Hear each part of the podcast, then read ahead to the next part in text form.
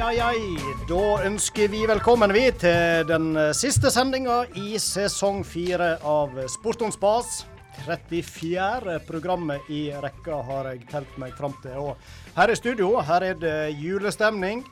Vi sitter stivpynta i Sport om spas T-skjorte, og pinnekjøttet det kommer på damp. Og svoren på ribba begynner å bli sprø òg, tror jeg, Frank og Thomas. Og her er det godsaker på bordet. Velkommen til dere òg. Takk for det, du. Takk for det.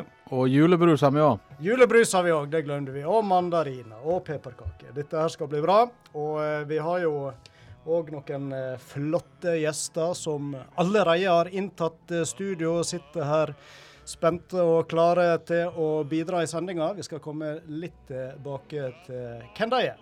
Ja, her sitter vi Ja. på den kvelden der Liverpool spiller sin største kamp så langt i sesongen. Frank. Ja. Og så har vi Harald og Nils Petter i studio som heier på Leeds, og de spiller As We Speak. Så eh, takk skal du ha, Roy. Ja, jeg har jo fått eh, skylda for, uh, for denne her en, uh, bommen her, da. Vi måtte forskyve sendingene våre med ei uke pga. Uh, Nisseshow. Mitt engasjement. Ja, nisseshow. Reise til julestjerna. Men sånn er det. Vi må lage julestemning òg. Det er en viktig del av uh, adventstida. Men vi overlever. Vi overlever det. Ja, Det skal vi gjøre. Ja. det er Så lenge det blir tre poeng. så, lenge det blir tre poeng, det kan vi ikke garantere. Men eh, jeg ser du følger nå med litt på mobilen, og så må vi prøve ja, å konsentrere oss litt om radioen og gjestene òg. Ja. Hvis vi får kontakt med dem i kveld, da. Vi har en uh, TV-skjerm på i bakgrunnen, og begge to er jo Leeds-supportere og sitter her og følger spent med. og Da kan vi nå røpe hvem det er som er med oss eh, utover kvelden. Harald uh, Vartdal og Nils eh, Petter Hauge. Så de skal vi introdusere litt uh, nærmere snart. Men vi gleder oss til å ha dem med oss nå en times tid framover, iallfall. Og prate om eh, sport og smått, som vi sier. Nils Petter er ulastelig antrukket i sin Leeds-drakt ifra årstall, tru. Vi må tilbake til Vi må tilbake i tid. til 60-tallet, tror jeg. Og den er nå i farger, det er ikke svart-hvitt. Nei, det var vel litt på slutten av 60-tallet. Ja. Men eh, jeg skulle til å spørre dere, gutter. Har dere kommet i mål med julegavene? Eller kanskje det er julegaver vi skal snakke om? Det er På, jo- på ingen måte. Nei. Så du, Så jeg er i rute. du er i rute, Ja. som vanlig. Du da, Frank? Du, det er jo over ei uke til jul, så jeg Det er ikke begynt å tenke på den. Nei. Nei. nei Har du noen eh, planer, eller? Eh, Ja, men eh, jeg er nå heldigvis ikke admder for det heller hjemme. Så eh, det er noen Hilde som tar steiten der, da. Ja. Og så er kanskje har hun litt bedre kvalifikasjoner enn meg til å gå på julehandel. Eh, Rett og slett flinkere å kjøpe gaver enn enn, jeg er.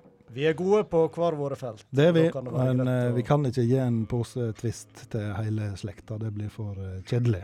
Nei. Vi har nevnt uh, hovedgjestene i kveld, men vi skal òg ha med to uh, spennende eh, ja, representanter for eh, jeg vet ikke om vi skal si lokalidretten, men uh, iallfall for idretten. De skal være med på telefon, og da eh, er vi jo glad at vi skal ha med ei kvinnelig røyst òg, Thomas. Vi skal ha med oss Evy Mariann Rosetvik, som eh, for ganske nøyaktig ti år siden ble den første kvinnelige lederen i Stryn fotball. Ja. Og ikke bare veit, så var hun eh, forløperen til han eh, Nils Petter Hauge, så han eh, kan sikkert eh, fortelle litt mer om det. Nå sitter de og jubler! ja, da var det ei her, så uh, vi spanderer på litt glede og jubel da. Det blir sikkert VAR, gutta. Slapp av. Det er godt. Stemninga er iallfall uh, på topp eh, her i studio. Og så må ikke vi glemme siste gjest i Vi skal ha med oss Stabæk sin viktigste spiller denne sesongen her, ifølge Stabæk-supporterne, og jeg vel å tro dem på det. Ja, for et skussmål å få fra supporterne, da. Mats Solheim fra Loen. Ja. Ja, det, det, det, var, eh, det var litt stas, syns jeg, at han, eh, Mats fikk den utmerkinga. For det er ei utmerking som uh, supporterne i Stabæk setter veldig høyt. Ja. Uh, så han har gjort seg godt bemerka i sin første sesong i Stabæk-drakta. Mm. Det blir spennende å ta en prat med han og oppsummere litt sesongen som har vært. Da tror jeg vi skal spandere på oss litt reklame. Siste sending med sesongens hovedsponsor, Bunnpris Olden.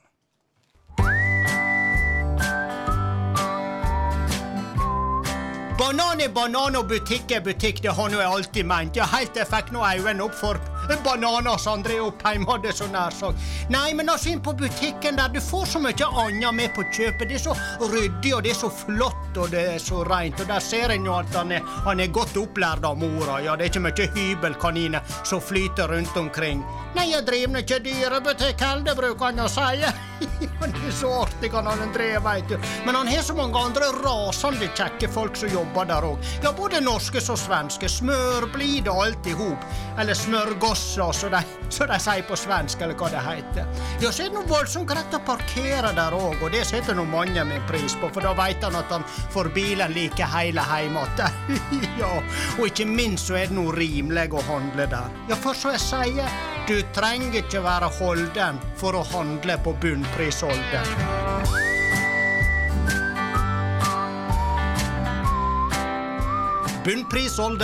Er stolt sponsor av Sport om spas på Radio Stryn.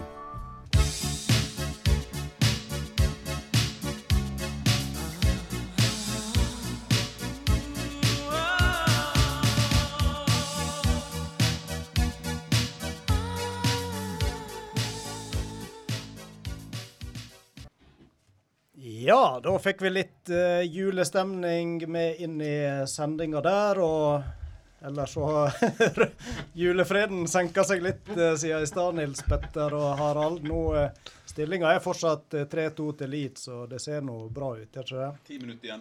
Ti minutter igjen, ja. Så det spørs hvor mye konsentrasjon vi får fra dere de siste ti minuttene av kampen, men eh, Vi er vel vi en satser på kaffekopp, det går bra. en kaffekopp i manko her nå. Det òg, ja. Det går, det går hardt føre seg her mellom slagene, men uh, dette skal gå bra, Nils Petter. Dette skal gå bra. Det Ja. ser lovende ut. Velkommen i studio til deg og deg òg, Harald.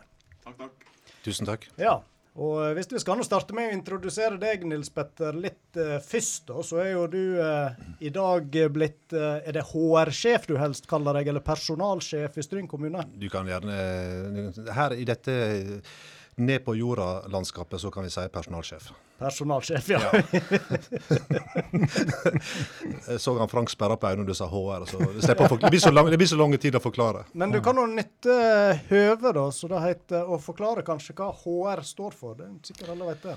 Eh, vi kan jo kort ta eh, Jeg må bare først si at jeg syns det er veldig kjekt å få lov å være her. Jeg sa nå til deg, Rai, når du sporer meg, at jeg har ikke så mye å komme med i sånne sammenhenger. Men det var så lenge siden jeg har sett han Harald, at jeg fikk lyst til å være her og prate med han. Det var eneste grunnen, sa du. Faktisk.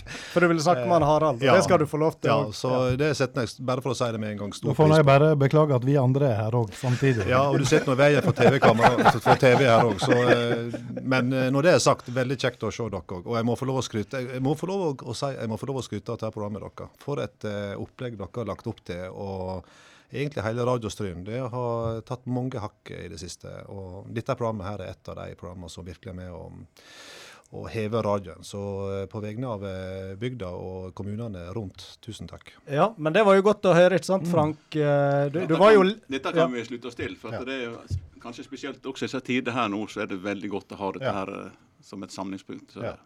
Ja, men det tar vi til oss. Veldig bra. Det var det jeg sa, det var en eh, innertier å invitere disse karene. så om ikke vi fikk plass i framsnakkingskalenderen av Storstein Tvinnereim, så eh, fikk vi Fire-to! Fire-to! Erge. Oi, oi, oi. oi. Fire-to. Dette her går jo veien på alle vis. Kjempebra. Se på han der. Du, eh, og eh, ja, jeg kan jo bare si det at, at eh, vi har fått en jobb i kommunen som jeg må bare si jeg setter stor pris på. Det er egentlig det er nå en personalsjef, men eh, det er kommet noen nye begrep i takt med tidens utvikling.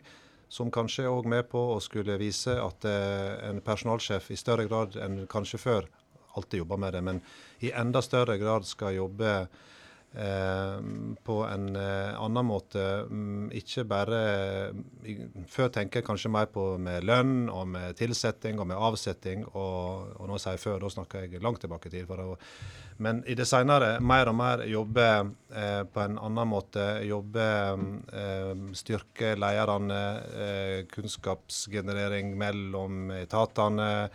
Eh, systemunderstøttelse, ny teknologi. Altså jobbe på mye færre felt enn jeg gjorde før innenfor HR. Så humane ressurser handler egentlig om at vi i større grad skal være der og støtte lederne og de ansatte mye mer enn før.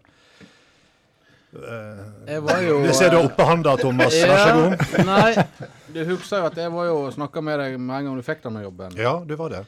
Og da hadde du ei diger tavle som du hadde Ja. eh, mye skriblerier på. Ikke sant? Har du den ennå? Det verste er at da lo alle av meg. Ja. Og nå skal alle låne den. Ja. Så eh, Nei, men jeg må bare jeg må si det at eh, det å jobbe i Stryn kommune Jeg har, jeg har stått utafor Stryn kommune alle år og vet hvor lett det er å snakke om Stryn kommune. Men jeg har fått så stor respekt for Stryn kommune og den jobben de gjør, og de ansatte der, at, at jeg tror det er veldig viktig å forstå at de folka som jobber der, det er Stryn kommune. Det er ikke en instans utafor. Det er stryninger. Består av 600-800 mennesker som faktisk er den største arbeidsplassen. Og De jobber og sliter for at det våre foreldre, våre barn, eh, våre syke, eh, våre alle skal eh, trives der i godt i samfunnet. De gjør en kjempejobb, det må jeg få lov å si. Kanskje vi som eh, journalister burde hatt ei praksisveke i Stryn kommune òg, eller? Ja, og jeg syns iallfall det at eh, det å skrive om alt det faktisk som skjer av eh, gode, eh, viktige ting i hverdagen, der folk går hjem fra jobb totalt utslitne i, i lys av koronaregler, i lys av å ivareta eh, de syke på en skikkelig måte, det er, altså, det er en enorm innsats i skole og helsevesenet, i teknisk og alt. Og den historien kommer kanskje ikke godt nok fram. Veldig bra. Og du har jo ei lang eh, fartstid i eh, Forsvaret òg, og er det litt eh, godt nå å ikke vekependle, sånn som du har gjort over mange år, eller? Ja, Så går det an å sakne det litt òg? Ja, altså du begynner vant med det òg. Og eh, jeg, hadde nå, jeg har en familie òg som sikkert syns det er litt rart å få meg hjem igjen. Jeg hadde nå en, en, et, barn som sa det etter at jeg har vært hjemme noe, mange måneder, at du far, altså hvis du vil tilbake til Forsvaret, så for all del, tenk på deg sjøl. jeg vet ikke hvordan en skal se på det, da. Men, eh, men, eh, men når det er sagt, det å, du har et hjerte som brenner for bygda di, og det å få lov å komme hjem igjen da og, og nettopp jobbe i kommunen, eh, som jeg tenker er hjertebygda, og skal være hjertebygda, det, er, det tar jeg på som en stor tillitserklæring. Og jeg jobber lag med noen fantastiske kollegaer som ja. Og så har du jo en bakgrunn òg fra idretten og fotball, det skal vi komme litt tilbake til. Eh, Så eh, må vi få med deg, eh, Harald Bortikrona òg. Og du er jo en som har skrevet mye om eh, Stryn kommune, bl.a. som journalist i mange, mange år i Fjordingen. Ja, nei, det tenker jeg nærmere 40 år, så jeg kan slutte meg til det som Nils Petter sier, det med å ha respekt for eh, det de står for. Jeg har hatt veldig god kontakt med de som jobber der på ulike nivå. Altså Ikke bare de som sitter i politikken og er på toppen, men folk på sykeheimen. Siste året hadde jeg mye med det her med omsorg og sånn. og Var med på utbygginga her oppe. var kanskje noe av det kjekkeste jeg har vært med på. Fikk til den fantastiske omsorgssenteret her oppe. så det det står stor respekt for, så jeg har veldig mange, mye godt å si om dem. Det må jeg bare si. I eh, forkant av sendinga her så uh, gjorde jeg noen uh, stikkord, uh, og de delte med deg, Harald. Og da tok du meg i å lyge på deg et redaktøransvar i Fjordabladet. Det stemte ikke? Nei, nei. nei, nei, nei. Jeg hadde et lite mellomspill der nede et års tid, da, før jeg kom tilbake til Fjordingen. da. Ja. Begynte som redaktør i Fjordingen. I Fjordingen har du vært redaktør i var det ti år? Ja, 97 til Nei, fra eh, 87 til 97. Ja. Så. Hva, eh, hva Men, Jeg begynner jo i Fjordingen allerede i 74, da, så jeg har jo ganske lang fartstid der. Og så tenkte jeg skulle få med deg på denne sendinga her da, at når jeg så slutta da, i Fjordingen, så var det blant annet to av disse kanalene her som da skulle erstatte, og de kom inn i redaksjonen. Og når jeg ser hva de har fått til, så må jeg bare si at jeg var jo 100% sikker på at jeg gjorde det eneste rette med at jeg trengte meg tilbake. Nei, men dette er litt alvorlig, for at jeg ser at den, den fornyinga som fjordingene har fått der, det tror ikke jeg gamle Vartan hadde hatt noe særlig å bidratt med. Så Nå må ikke du prate deg ned. Nei, men jeg bare sier det sånn, så at dere har gjort en kjempejobb. Ikke bare med denne sendinga her og alt dette her, men det er blitt ei fin og sprek avis. ja. Men da er det jo så fint å ha en Harald eh, å lene seg på hvis du lurer på hvilken eh, årgang i arkivet du skal lete i. ja, men det er så lenge siden at jeg, hvis jeg sier feil, så er det ikke noen som tar meg på prøve. Jo, men vi, hvis du sier 85, så kan vi nå begynne å lete rundt de Ja. tider, og ikke begynne på 70-tallet, for eksempel. Nei, men han Harald han er en som er god å ty til. Det er helt sant, Thomas. Og det gjelder nå eh, for så vidt både sendinga her. Nå talte jeg opp eh, eh, han Harald og han Mats som vi skal ha med seinere. Det er de som troner øverst på gjestelista eller bidragslista vår til sendinga. Jeg tror det er fjerde eller femte gangen du er, med oss. Og det setter vi pris på. Så har vi nå brukt det litt utenom for litt sånn faktasjekk og sånt òg. For du, du er jo et lite lokalsportleksikon for oss, iallfall. Du topper adelskalenderen. Å ja. Ja. Jeg syns kanskje at, eh, at han Harald fikk litt flere superlativer. Det, var- det var veldig mye leksikon og en del andre ting. og Kom jeg litt skeivt ut nå, eller? Neida. Men nå, nå skal vi inn på idrettskarrieren. Ja, ja. Da kan, det, kan det være. Men det, det lurer jeg litt på, Harald. Hva er din bakgrunn for idrett? Jeg vet du er levende opptatt av både lokalidrett og uh, idrett ellers. Men eh, har du drevet idrett sjøl? Det har jeg egentlig. Altså, Hvis du skal spørre meg om min sportslige Ja. karriere, da blir det et veldig kort program. det, da er det bra vi har Nils Petter Ja, det blir veldig, veldig kort. Ja, ja. Nei da, altså jeg vokste opp inn i Lærdal, Sogning sånn som Thomas, og der var det skøyter. Fire-fem måneder med sprøyta is og gikk på skøyter. Så det var jo liksom det som jeg var mest interessert i da. Når vi flytta til Ørsta eller til Hovdebygda, og så senere til Håndalen, så var jo det skøyter var ikke noe bud praktisere. jo, det var jo helt tilfeldig. Så ble det fotball. Så jeg, har jo, jeg spilte jo litt på Håndalen. og jeg så et bilde som dukka opp nå. at det, Der sto det at jeg var med på et lag som var, vant Håndalscupen i 75. Det er kanskje høydepunktet min, i min karriere der. da. Så trente jeg Håndalen noen sesonger. og så ja, så han er vel litt sånn aldersbestemt og sånn. Og, men det som jeg har brukt mest tid på, det er jo klart denne Fjordingcupen. Den vet han Nils Petter litt om. Vært med på den. Så det, det var jo liksom det som tok mest av min sin tid på det. For Fjordingcupen, kan vi si det er ditt verk? Eller Nei. din idé, eller hvordan Nei, nei, nei. Det var, den, det var Asbjørn Sunde. Ja. Han, eh, jeg var begynt i Fjordingen og var, var relativt fersk. Og så eh, kom han Asbjørn og hadde den ideen at eh, nå skal vi få til noe sånn en, en kupp her. For at det som var saken, det var at det var jo kun Stryn som hadde aldersbestemt, altså ned på smågutter og små, sånn. Og så lanserte han ideen og lurte på om avisa ville være med på det. Og jeg tente jo på med en eneste gang. Og så starta vi da Fjordingcupen. Men han, det er Asbjørn Sunde som da hadde ideen om det, akkurat den der. Hva årstall så det var? 75 begynte vi. 75.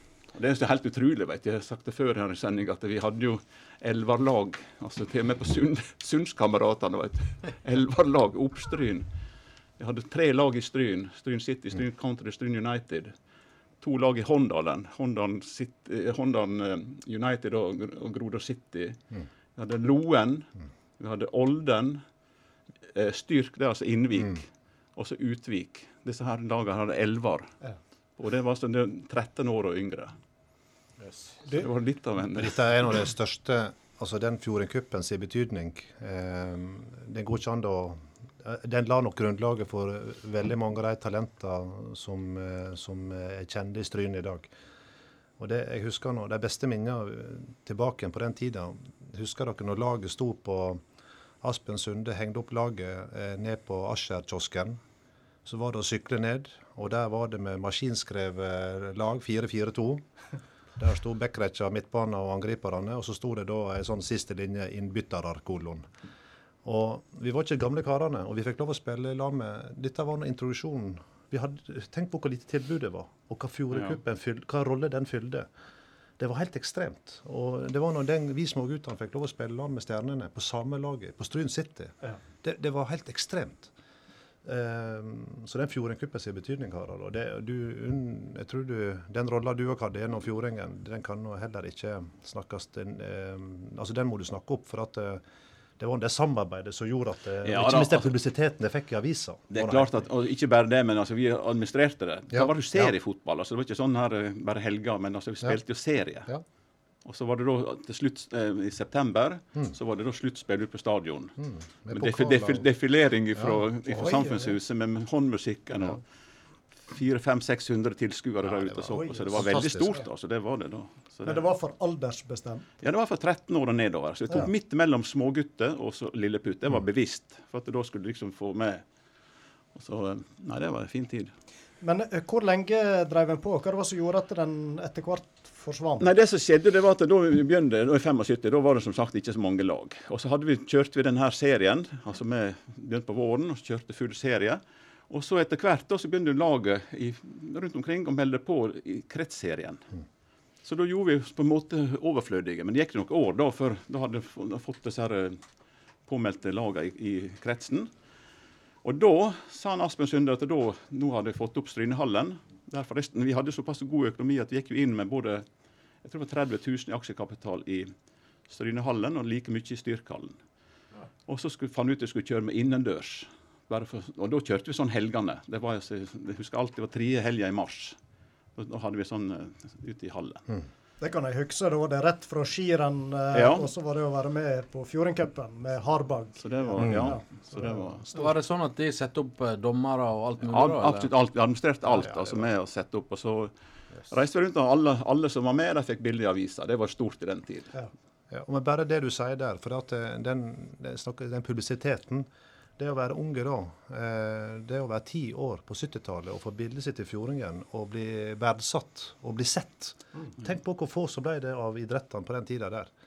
Så det var liksom starten på å, å heve fotballen og idretten og aktiviteten sitt rykte i bygda. Altså det, var, det var enormt, altså. Altså barneidretten. Så det var, det var et stort løft. Men det har jo satt sine spor i, i mange eh, fotballspillere sitt hjerte, den cupen der. Ja. Du hører jo sånn som sånn, Tore André Flo og Eivind Karlsbakk og eh, selvfølgelig de som ikke kom så langt på fotballbanen, òg framhever jo Fjordingcupen som, som eh, et høydepunkt. Mm. Så den hadde jo en voldsomt sterk posisjon. Uten tvil. Og seinere Alexandra-cupen var vel et noen år òg de òg, var med på det. Ja. Så, Der tok jo Tonkom sin eneste pokal, var ikke det så? Ja, men det er den- ingen som den- veit hva den Den er. Haurøy, den den steikende god. den. Men det er ingen som vet hvor pokalen er. Nei. Står på Tonningstova. Ja. Nei, Vi hadde jo et stort jubileum vi da i 95. Det var så 20-årsjubileum. Og da hadde vi, fikk vi Brann til å komme hit. Og så spilte de, og hadde vi et uh, sammensett lag da på Så det var jo kjempegreier. Bankett på Ishaug etterpå. Så da var jo Tor André og da var med disse her stjernene. Yes. Så det var et høydepunkt. Ja, Ja. det var Nei, den er en viktig del av eh, lokalidrettshistoria, det er ikke tvil om. Og eh, du Nils Petter, du eh, har tydeligvis et eh, gode minner fra Fjordingcupen. Og det er jo fotball som eh, har vært din idrett. Og jeg vet ikke om, Kan du skilte med noe eh, mer høydepunkt enn seier i Grodåscupen eller Hondas-cupen? Mm, ja, det var det, da. Eh, men i alle fall, jeg tror iallfall vi var den, eh, vi var den generasjonen som, eh, som vokste opp i, i skyggen av eh, det, det gode laget, altså 68-laget. og og alt det som skjedde da i den Vi var nå de som sto og så på Kaspersen og Sunde og alle de på stadion, og vokste opp i skyggen der, som jeg sier. Eh, vi hadde ikke så organiserte treninger som i dag, men jeg tror vi var ned på Vi var vel 20 stykker som spilte ned på grusbanen eh, ifra vi var Og, det vi spilte mellom generasjonene. Og jeg tror det var faktisk noe som gjorde at vi ble ganske gode ganske tidlig på den tid. For at vi bryna oss på, på eh, mange gode fotballspillere, mange av dem på A-laget. Eh, og sakte, men sikkert så var nå det inn og spille på lillegutt og smågutt der. Og da var nå det han Nei, altså altså høydepunktet var vel da vi kom på kretslaget. Og det var som jeg sier at, eh, at um, jeg glemmer ofte òg de folka som gjorde en veldig god innsats. Eh, vi hadde han Harald Os som gjorde trenerjobben på, i seriesystemet. Fantastisk eh, eh, innsats han gjorde over mange år. Eh, men du hadde òg en type som Jan Aabrek, som, eh, som hadde ei veldig viktig rolle i fotballen, ikke bare i Stryn, men i Nordfjord. Eh, ikke minst på kretslaget. Gjorde en fantastisk arbeid og organiserte det. Og det var vel der jeg hadde mine beste stunder eh, før jeg kom opp på A-laget. Det var nå, ikke minst i 81, da vi fikk eh, være med å representere Sogn og Fjordane og var ballgutter på eh, cupfinalen. Eh, Bjarte Flo og jeg. Og i dag med mange andre eh, flotte karer. Eh, Bjarte Gangeskår eh, Skar og Arvid Møll og Arne Førde. og eh, Fantastisk eh, eh, noen dager der og spilte mot Oslo. Og spilte mot Lillestrøm og fikk være ballgutter. Og det er klart at det er noe fantastiske minner. Og så Lillestrøm slå Moss 3-1. Tom Lund på straffe. Oi. Plasserte Oi, oi. rett ved siden av meg. Det var, eh, og det var en herlig generasjon på Lille, Lillestrøm. Arne Amundsen og ja, det var, ja, det var fantastisk. Så det, det er sånne eh, nydelige opplevelser før du selvfølgelig kom på A-laget. Men du òg, Harald. Si noe litt om han Jan Aabreks i eh, Ja da, det, jeg sier det når du begynner å mimre sånn, så ofte du glemmer folk. Og Jeg tenker også på han Jan, for jeg husker han var en av de som brukte tid både i klubben og også på kretsplan. Og det var kanskje ikke så mye dratt fram i, Nei. den tid. Så. Nei, det sånn. Sender hilsen til han Jan, han bor på Breim nå, og kjernekar. Helt enig. Åbrekk, er det Olden, eller hvor er Han er Olden, ja. Det er Olden, ja. ja. Sønnen til Erling, han som da hadde Hansa-laget i gamle dager, hvis du husker det. Riktig. Greit å få plassert folk. Og, Ja da. det- ja. Mm. Men eh, du kom jo på A-laget til Stryn òg, og hadde noen sesonger der. Det gjorde vi etter hvert. og eh, Vi var nå, eh, vi gikk nå på gymnas på Sandane i 84. og, eh, og han, eh, jeg må si også han, Hvis en skal gå videre oppover i tid, så han Ed Noran kom nå inn og, og må vel sies å være den som kanskje profesjonaliserte Stryn. Eh, tok Stryn tilbake igjen der en hørte hjemme i divisjonssystemet. Og den jobben han Ed gjorde i, i midt på 80-tallet, var et viktig grunnlag for den eh, jobben han Per Rik eh, kom og tok over i 86. Vi har jo konkludert i lag med Arne Skeie òg Ja. at eh, det var Ed Norang som utvikla flopasninga, og eh, så ble tatt videre på landslaget. Så, Ja, det så kan være. Be betydd mye. Det er noe Ja. viktig, ja. Men det er klart det som var spesielt med, med det Du sa det litt i stad, Harald, at, det, at det vi fikk oppleve i 86, det var en helt ny måte å tenke på i Stryn. For at jeg husker bl.a. jeg var russ i, i eh, 86, og så sender jeg Eller ringte vel inn til en Per Rik en og en halv time før trening. En vanlig trening. Og, så, og jeg var så sikker på at vi fikk fri. Han Kjetil Flo og jeg at vi spurte om vi kunne Ja, vi, vi kom ikke på trening, sa vi. For det var, det var et eller annet slags eh, Det var vel grisefest, het det den tid. Det var liksom den store dåpen i Det var liksom en av to kvelder du, det var vits å være igjen. Og da svarte han bare at hvis ikke dere er på trening klokka seks i Stryn, så kan dere glemme å spille på Stryn neste år. Og Da hadde ikke vi pakka bag, vi hadde ikke gjort noe, vi sto på Sandane uten noe. Men for å si det sånn, vi rakk treninga. Ja. Men, Men, det er måten han profesjonaliserte holdningene på Vi fikk, eh, vi fikk eh, treningsprogrammet i to-tre måneder framover. Treningskampene, hva vi skulle trene på. Ikke minst den berømte kyllingen på lørdagene fra Gjellemat. Magnar Gjelle kom ut med kyllingen klokka 11. Laget møttes på stadion. En stykk Solo og en stykk Bravo. Bravo Fra-. Bravo-sjokoladen fra Gjellemat. Det var en riktig kombinasjon. Og en nydelig kyllingsalat som Inger og eh, Inger og Magnar hadde dedikert på kjøkkenet. Eh, alt var gjennomtenkt, og vi følte oss faktisk litt eh, Altså, du kan, du, kan, eh, du kan si hva du vil, men vi følte oss vi, Altså, du følte deg proff, for at systemet var proft tilrettelagt. Så dette var fast hver kampdag? Hver eneste heimekamp var, var, møttes vi på stadion, gikk gjennom kampprogrammet, åt eh, riktig mat, reiste hjem igjen, hvilte, kom ut igjen, klar til heimekamp. Og det var seriøse saker. Ja. Og jeg vil si Den 86-sesongen vil jeg påstå var en kjempesesong. Det var eh, altså da tror jeg, og Det som også så fantastisk òg, Harald, det var, noe hele, det var ikke bare Per Rik, men det var sammensetninga på laget. Både av spillertyper, men òg av eh, det at vi representerte altså Tor Guddal fra Oppstryn, Geir i Olden, eh, Høndølene, fantastisk han eh, Njål og, og, eh, og brødrene Grodås selvfølgelig. Eh, den samme han Terje selvfølgelig fra Utvik etter hvert. Og Ballak, etter hvert han var nå der, selvfølgelig. Og altså, det, det var utrolig sånn. Arne Førde kom inn. Det, det var jeg tror, og det var, det var noe tusenvis altså Ikke tusenvis, det var tusen. tusen. Ja. Altså 800 900 000 på kampene. Det var en stemning som nesten ikke går an å forstå i dag. Husker du denne sesongen 86? Jeg husker veldig godt. Men eh, hvis du går litt eh, før før du. Da husker du, Nils Petter, da dere for og sprang i snøen opp med hallen. Da han, Ja. eh, Per Sætre Ja. fikk tak i disse her eh, stjernene. Han hadde jo veldig god kontakt med Mm. Erik Johannessen. Han var jo landslagskeeper på Viking og sånn. Han fikk jo opp mange for, for Molde-gjengen. og Midt på vinteren for å sprang opp i snøen, for da var ikke nær eh, banen klar. og mm. St.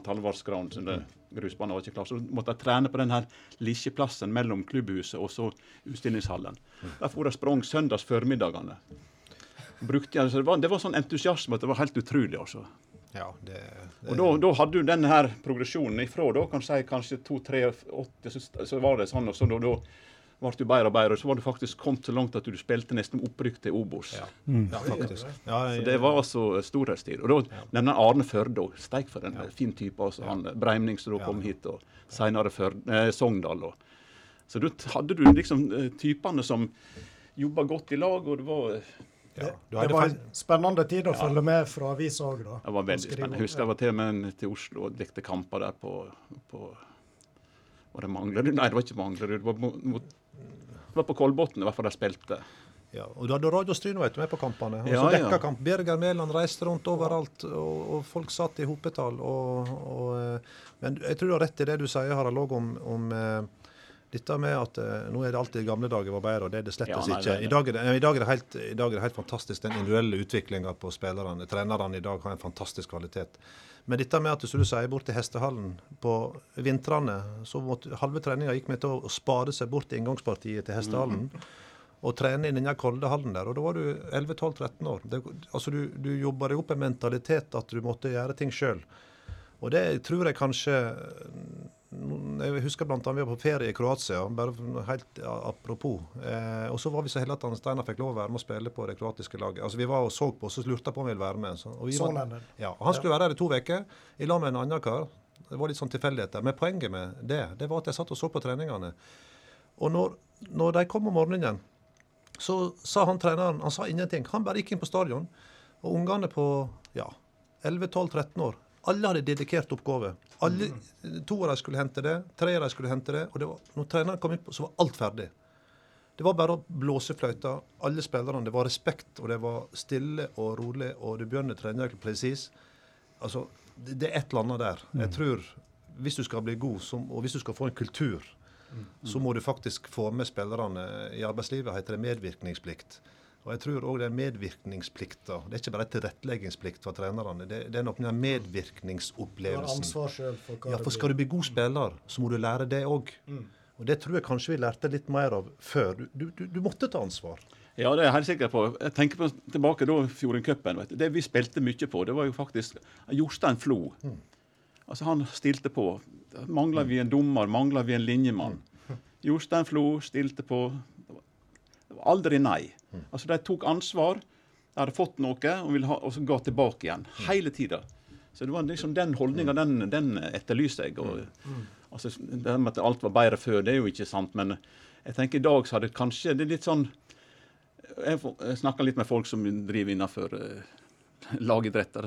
Litt mer sånn likegyldighet. Altså det, vi kommer hvis det, hvis det passer oss. liksom. Altså det er ikke sånn, Før da får du om, enda gang tidligere, da merka du bane. Det var jo sånn guttene sin jobb å merke med sagmål, f.eks., sånn at banen var klar. Sånne ting er jo helt uhørt i dag. Så I dag kommer du. Så det har nok kanskje litt med at det, er også den det som du sier, Nils Petter, med å stille krav òg. At han på en måte, du, Jeg tenker ikke engang på det, for at du har ikke blitt stilt de kravene. Så eh, jeg Det vet finnes, ikke. Fins det ikke grusbane igjen omtrent Nei, nei, nei, det er ikke noe. land som blir i bruk. Nei, men det, det, jeg tror skal du få et hjerte for en klubb, så skal du, du, skal, du, skal du få et hjerte for noe, så må du investere i noe. Og Da kan ikke du bare investere i deg sjøl. Du må investere i noe som er større enn deg sjøl. Om det er på arbeidsplass eller er en klubb eller om det er i... Altså uansett. Og så skal du få et hjerte for noe, så må du, du må kjempe for noe som er større enn en, en din egen karriere. Det, og det er noe med at eh, da er det akkurat at du må, du må se noe verdi i det utenfor deg sjøl. Og da, det må skapes av noe. Men, du men igjen, du har fantastiske trenere. Den generasjonen av trenere som du har i dag ifra de er seks år. Franken er ett eksempel. Er, det, og du er en av de som både er dedikert og en fantastisk trener, og en personlighet som kan være trener. Det var ikke alltid det var miksen i gamle dager. Men er mange av dem. Det er en generasjon nå. Så den muligheten vi har nå, men, men eh, det å skape dette medarbeiderskapet, ja, det, det er jeg litt opptatt av. Og jeg tror vi trener for mye på fotball, og at flere av treningene skulle gått på det vi snakker om nå. Og rett og slett tatt oss en, en tur i lag tidlig på sesongen og gått i lag og snakka om hva vil, hva, er, hva betyr det å spille på Stryn, og hvordan skal du bli god. Ja, det, du, kan, du kan trene på, på, på fotballbanen, men skal du bli god fotballspiller, så må du trene på holdninger, du må trene på forståelse av kultur. Og Det kan du faktisk begynne å øve på når du, når du, du går på skole og lærer engelsk i første klasse, så kan du faktisk begynne å lære litt kultur òg, og litt eh, verdier òg, tenker jeg, som et lag. Dette var, ja.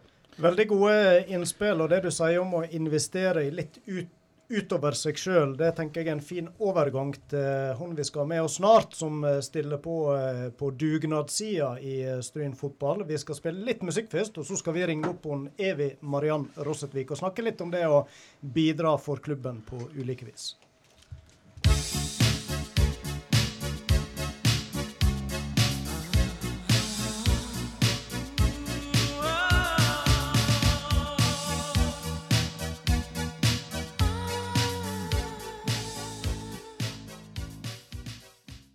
Da er det kjekt å eh, få med ei kvinnestemme i sendinga òg. Evy Marianne Rossetvik hun er ei som bruker mye fritid på det frivillige arbeidet i idretten, og da særlig fotballen. Og da ønsker vi god kveld til deg.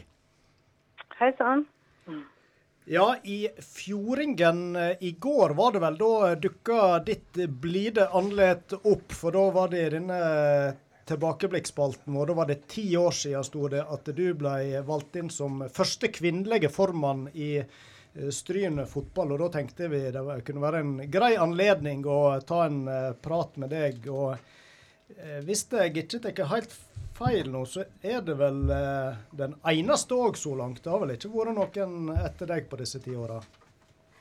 Nei da, det, det, var nok den eh, første, og, men vi får håpe at ikke det er den uh, siste. Nei. men, men hvor, ja. hvordan var det, kan du si litt om eh, hvordan var det å komme inn i en klubb eh, der det må være lov å si at det var noe eh, forholdsvis mannsdominert fram til da, iallfall? Eh, altså Fotballkulturen eh, er jo ganske spesiell på, på, godt og vondt. Og det er jo ikke spesielt for Stryn. Men eh, alle har jo meninger om, eh, om uh, fotball. Og det gjør det jo ekstra uh, utfordrende, men også veldig kjekt å være med. da. Og det er litt kjekt at det er Nils Petter som er i studio. For uh, hvis jeg ikke helt feil, så var det vel han som var medvirkende til at jeg kom inn i i uh, brufotball. Ja. ja. Kan du huske hva som uh, Hva var det som gjorde at du ville ta på deg det vervet? Det er jo en stor oppgave å være formann i en fotballklubb. Ja, det kan du si. Det, det var rimelig sånn bratt læringskurve fra å da i 2009 uh, var jeg trener for, på det laget som sønnen min var med på, til å da bli spurt å være sportslig leder i 2010, til så å bli spurt om å være styreleder. Så, så, det er vel basert på at noen hadde tro på meg og hadde tillit til meg. Og da er jeg vel litt sånn ihopskrudd at OK, da får jeg prøve. Og eh, det gjorde jeg. Mm. Du nevner at du var trener òg eh, før den tid. Har du bakgrunn fra fotballen som aktiv òg, eller? Ja, jeg eh, spilte fotball i noen år, men begynte ganske seint. Så jeg begynte vel ikke før jeg var sjuende klassing og spilte til første videregående. Men, eh, men, man kan ha det veldig moro med fotballen selv om man begynner seint. Og man kan gjøre det ganske bra òg, eh, eh, selv om man begynner seint. I hvert fall på det nivået som vi var. Mm. Du har jo eh, engasjert deg eh, både før eh, du ble formann, som du er inne på, og etter dette her. Og i dag da sitter du vel, du sitter vel i styret i Stryn fotball og har litt med arrangementskomiteen å gjøre? Ja, jeg har sittet i arrangementsutvalget i, i, mange år. Og så når lederen eh, nå valgte å gi seg i fjor, så eh, så kunne en ikke la dette la det andre stå igjen. Så da uh, tenkte jeg at OK, da får jeg uh, ta ledervervet. Så ja. Mm. Sånn ble det. Men, men, var det noe, Evi, som du, når du ble leder, var det noe som du følte du måtte holdt på å si, ta tak i, som uh, du mente burde være annerledes enn det var? Ja, det er klart det at, eh, det klart det at eh, en, eh, når en gikk inn i dette her, så var det jo allerede i gang en, en strukturering av klubben som det styret hadde jobba med noen år. Der Nils Petter var en, en av dem. Så, så, det var jo på en måte å videreføre det arbeidet som allerede var i gang. og og eh, opp, husker det som en veldig kjekk eh, periode da jeg kom inn i eh, styret i jeg tror det var i 2010. Så eh, ja, og så ble vi jo etter hvert eh, kvalitetsklubb, selv om det skjedde ganske mange år eh, seinere. Så starta jobben eh, allerede da, egentlig før jeg kom, kom inn. og jeg er vel en sånn eh, litt utålmodig sjel og liker at ting eh, går litt fort framover. Og det er vel en ting jeg har lært både i krets og i, eh, i klubb, at, eh, at um, ting tar tid. Mm. Det er en frivillig organisasjon, og um, alle er vel ikke like villige til å bruke så mye tid som jeg uh, har gjort. Men hva, kan du si litt om hva det er som gjør at du eh, er villig til å bruke såpass mye tid på de ulike vervene du har og har hatt? Hva er motivasjonen, på en måte? Ja, altså det er vel ønsket om å påvirke og utvikle.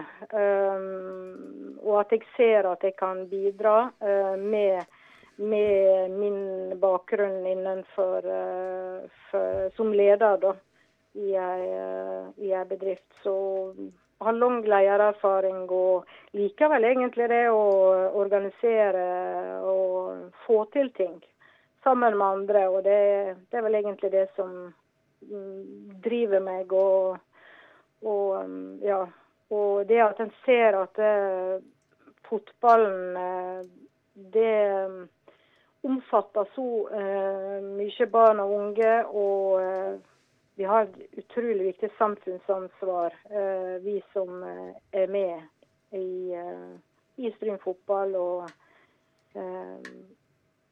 som en frivillig organisasjon. Mm.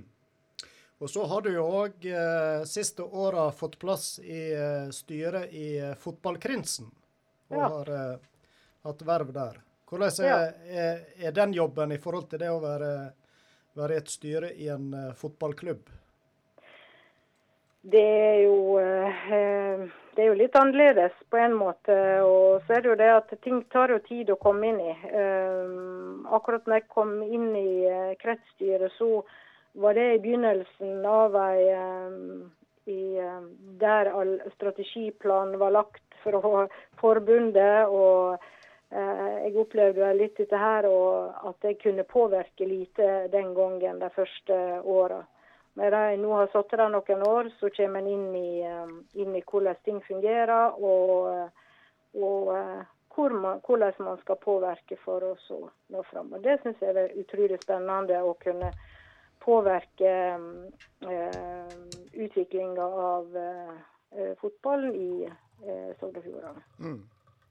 Jeg sa det i starten at uh, fotballen har kanskje vært litt mannsdominert fram til for en, en del år tilbake, iallfall. Men hvordan vil du si det er i dag? Er det mange Er det begynner å utjamne seg, kvinner og menn, i både styret og ellers? I, Det er i hvert fall et viktig satsingsområde for forbund og krets. eh, Det å få med flere kvinner i, eh, i, eh, i verv i eh, krets og, eh, og klubb. da.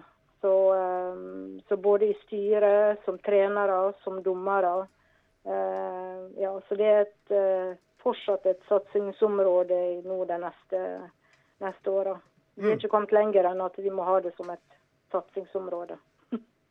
Nei, vi trenger både menn og kvinnene i fotballen, og for så vidt idretten ellers òg. Og vi er iallfall glad for at vi har sånne som deg, Evy, som stiller på for rett og slett vi får si for opplevelsene og gleden av å, å bidra. og Det tror jeg det er mange som setter stor pris på. Til slutt så må jeg bare spørre deg, du bor jo i lag med han som er daglig leder i Stryn fotball. og Kan det bli litt vel mye fotballpreik i det daglige rundt bordet, eller klarer dere Ja, nå, ja eh, Finne på vi, andre eh, tema. Vi, ja, vi, det kan det. Vi bor jo ikke i lag, da. Det er vel, det er vel derfor oh, ja. vi har eh, vi, sånn, vi har sånn 50-50-ordning.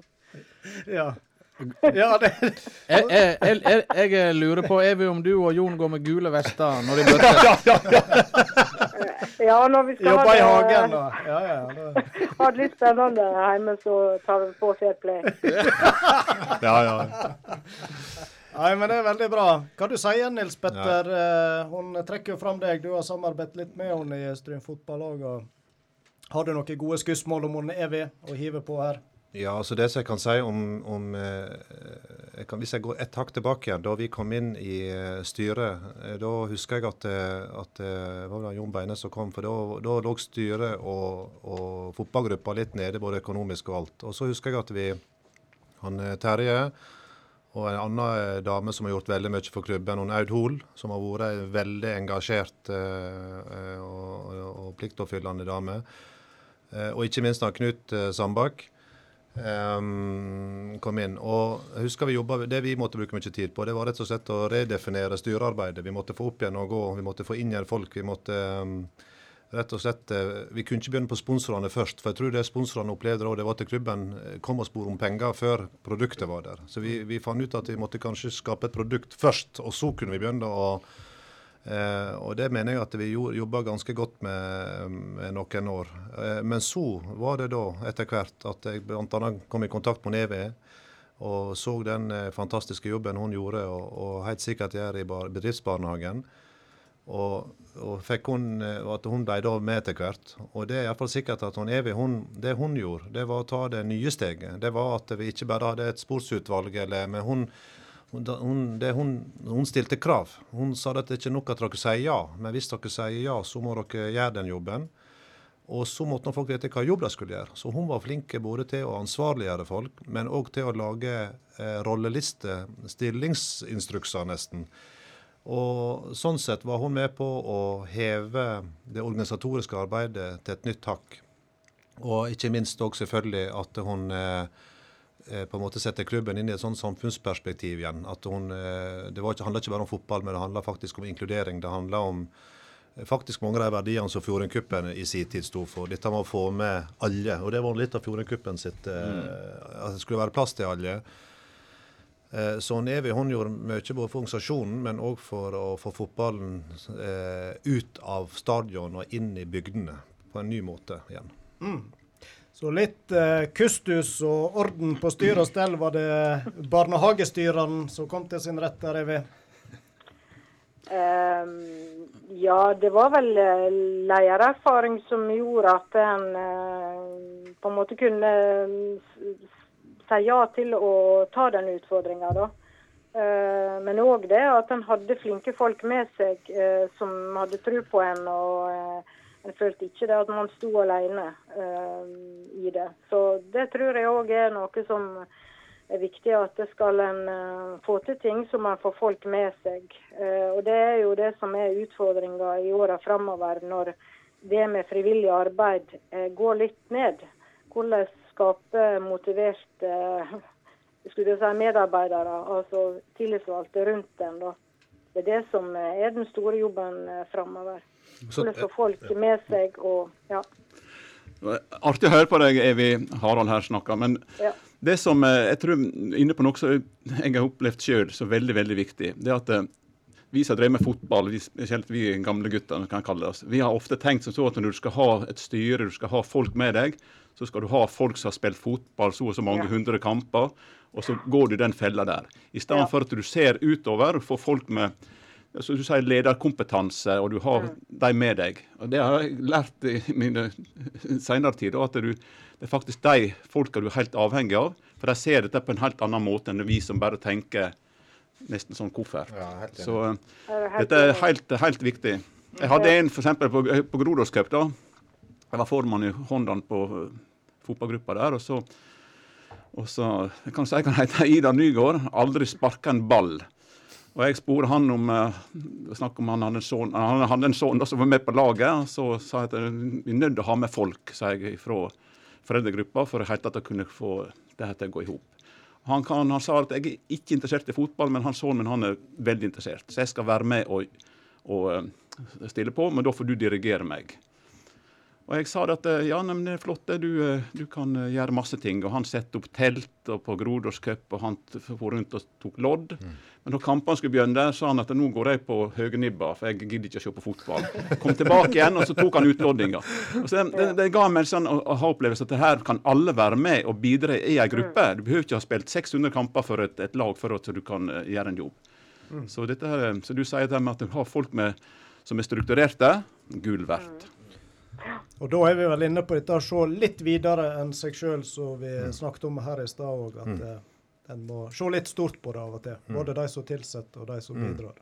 Og så tror jeg òg at eh, akkurat det som du vil si, at eh, når du profesjonaliserer det litt og holdt på å si får stillingsinstrukser, så blir det lettere å si ja. For at da vet du hva du skal gjøre, men du vet òg hva du ikke skal gjøre.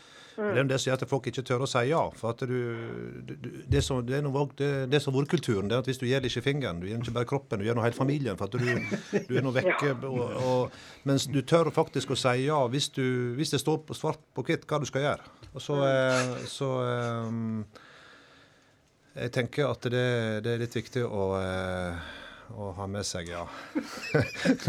Vi må flire litt på det. 1-0 til Liverpool, nå var det en stor jubel her.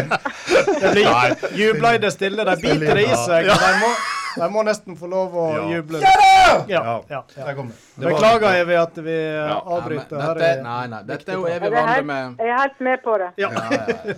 det er bra. Nei, men du Evy, vi har stelt mye av eh, kvelden din som eh, du sikkert òg har lyst til å bruke på andre ting enn å skravle med eh, fem eh, til årskomne mannfolk. Men eh, vi har iallfall Eh, nå må vi kanskje protestere litt der, men eh, OK. Ikke du Bare som skal hyggelig å være med og bli spurt. Veldig kjekt å ha deg med. Og eh, vi igjen eh, så setter vi stor pris på innsatsen eh, du gjør med dugnadsarbeidet. Og så må du ha en fin adventstid og etter hvert god jul, får vi si. Ja. Takk det samme. Ha det godt. Ha det. Rim med rake.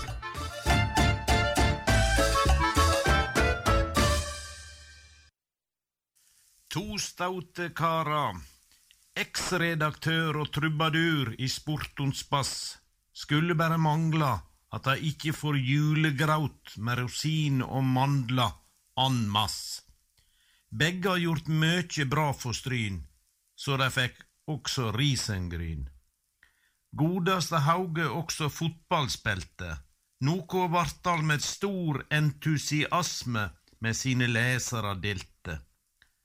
Harald har hygga mange, til liks med Nils Petter, den siste også inn i de seine netter. Ønskjer dei og alle god jul, neste år skal ein fortsette å være like kul.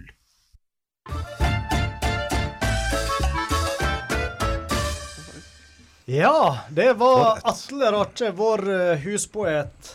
Hva dere sier karer? Dette Ja, dette var svært. Nå er det- Tusen, takk, Atle. Dette var storarta. Nå er det fire våte øyne i studio her. Ja, det vet jeg Ja. hva. Men eh, altså, han, eh, han er nå en eh, for en skikkelse i bygda. Og Atle er et godt menneske. Og flink å skrive. Og underholdt mye både i Fjordingen og andre plasser med sine kvad. Ja, han har jo bidratt litt i Fjordingen òg, Harald. Det var vel mens du var Var du redaktør Ja, da, eller? ja, ja, ja. Så Ja. han Atle han har hatt mye mer gjort, så det Ja. Nei, Vi har vel referert til noe, referert til noe referat her tidligere òg om hyene. Å ja, ja, ja. Han hadde, det var, han hadde det, ja. Men det var, han, men det var ikke bare fjordingen han gjorde seg bemerka. Han kom jo også i Jeg vet ikke om han kom på NRK hadde sånn eh, Hva det heter det der eh, Nei, hva disse her eh, fjogningene? Ja. Og Da hadde han en, et innlegg i Fjordingen som ble saksa. da, Det var at det var basar på Rake grendehus, samtidig som Fiorentina og Parma spilte. Så da kalte han det for kulturkolleksjon. Ai, ai. Den er sterk. Ja, det vil jeg påstå. Akkurat da de trekte ned puta, da skårte Fiorentina. Men, men du Nils Petter, hadde du noe Altså, på lur her, eller? Jeg tenkte nå, sånn som du sier, at eh, jeg visste nå at eh, disse her kjente dikta skulle leses opp. Og det er klart at, eh, at du skal vise respekt tilbake igjen. Du skal få respekt, men du skal òg gi respekt. Og, eh, og det er klart at jeg har fundert lenge på å skrive noen velvalgte ord til Rachen. Det skulle bare mangle, tenker jeg. Så bra. Og jeg håper at dere forstår Dette høres enkelt ut, men det ligger mye bak det.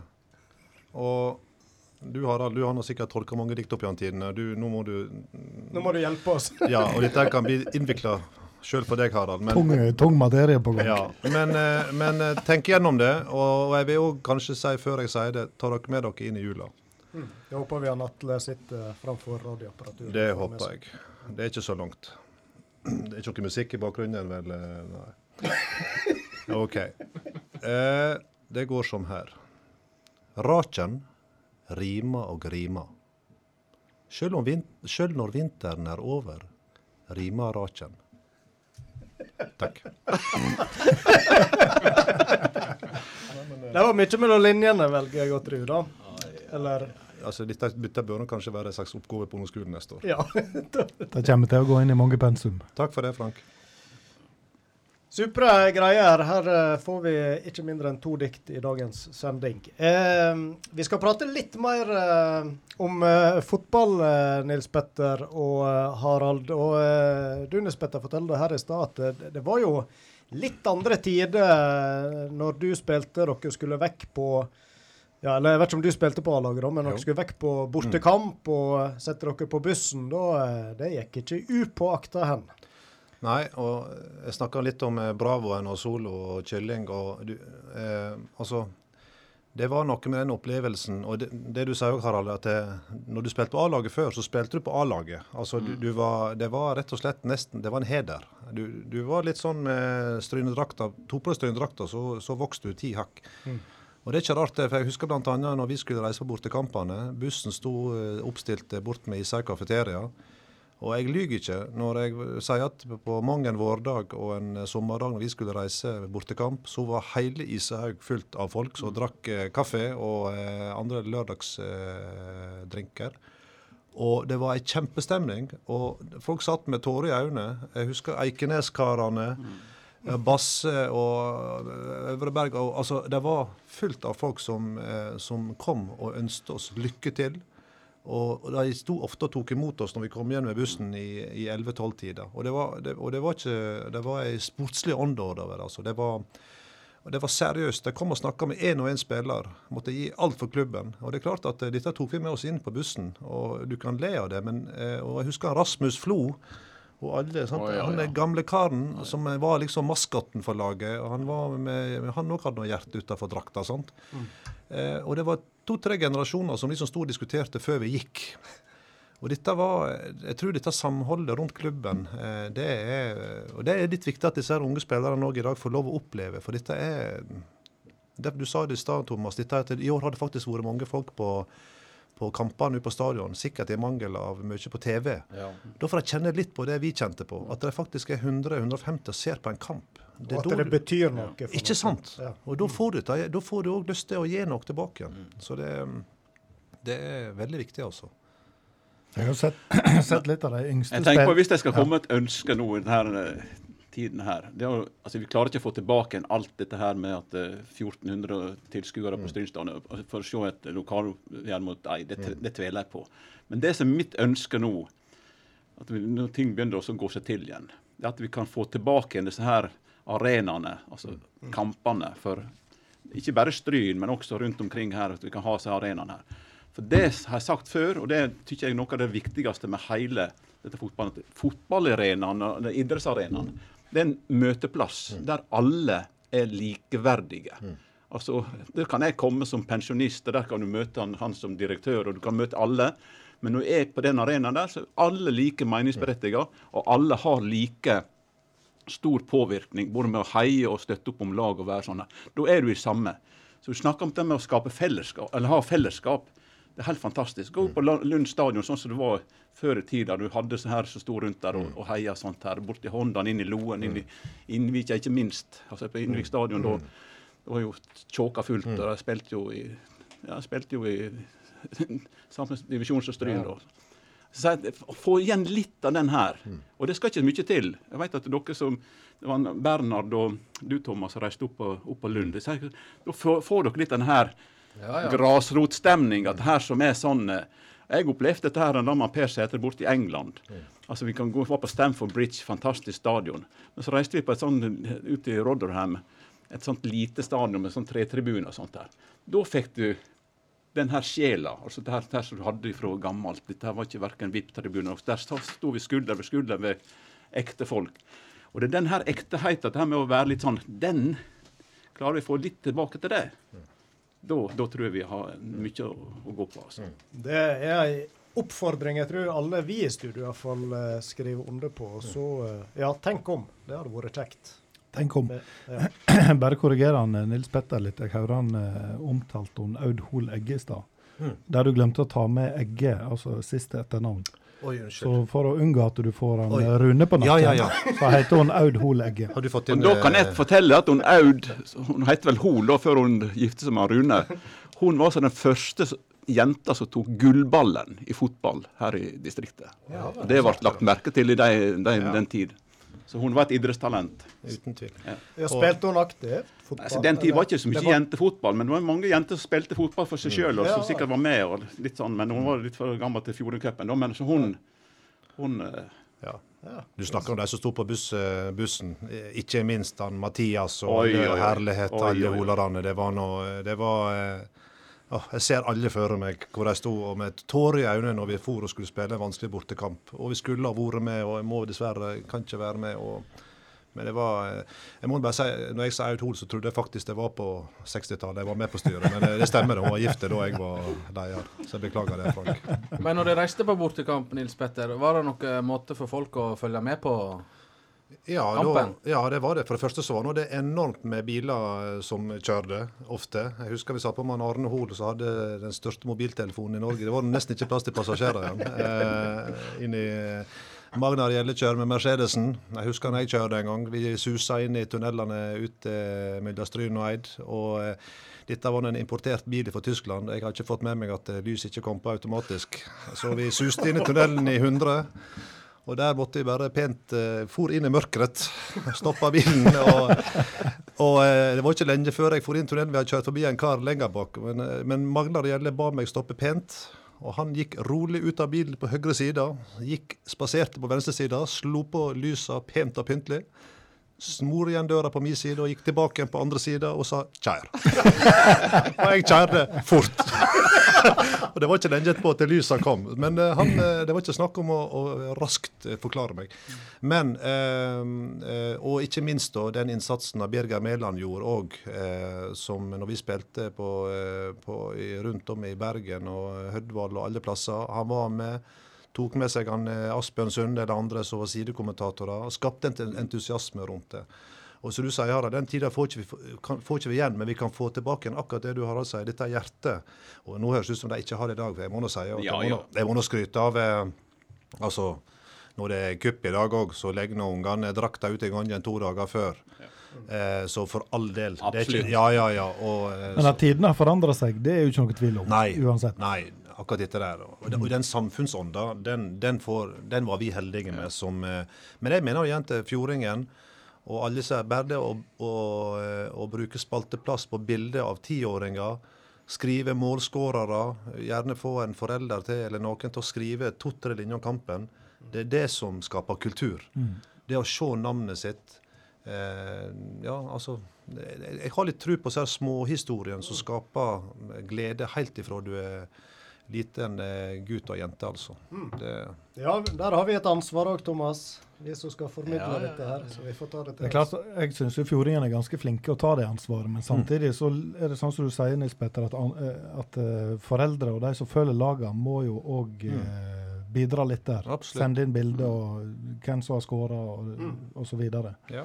Så eh, får de publisitet. Det er trenger litt hjelp der ute òg. Ja det er klart, det er ikke tvil om. Vi klarer ikke å være overalt og dekke alt av aldersbestemt. Det skal Nei, nei, vi nei. til å legge lista der, men eh, vi er nå relativt åpne for å ta inn stoff, i hvert fall. Så det får være en oppfordring ut til foreldre som hører på òg. Mm. Jeg, tenkte vi skal ta et bitte lite steg eh, til venstre og vekk fra lokalfotballen og lokalidretten. Og så eh, har vi jo allerede røpt at dere er jo Leeds-supportere. på deres hals. Det har vi nå fått bevist i starten av sendinga. Jeg tenkte jeg ville bare høre med dere hva som ligger Hvorfor ble det Leeds? Jeg syns det er litt artig å høre hvordan det ble akkurat den klubben. Jeg starter med deg da, Harald. Hva, Nei, altså, det var jo da Leeds i storhetstid. Altså, gå tilbake til VM i fotball 66. Da hadde jo liksom Da fikk jo Jeg hadde en back som heter Terry Cooper. Han spilte med hvite sko. og Det var nok for en 12-13-åring til at det, du kasta ekstra blikk på han karen her.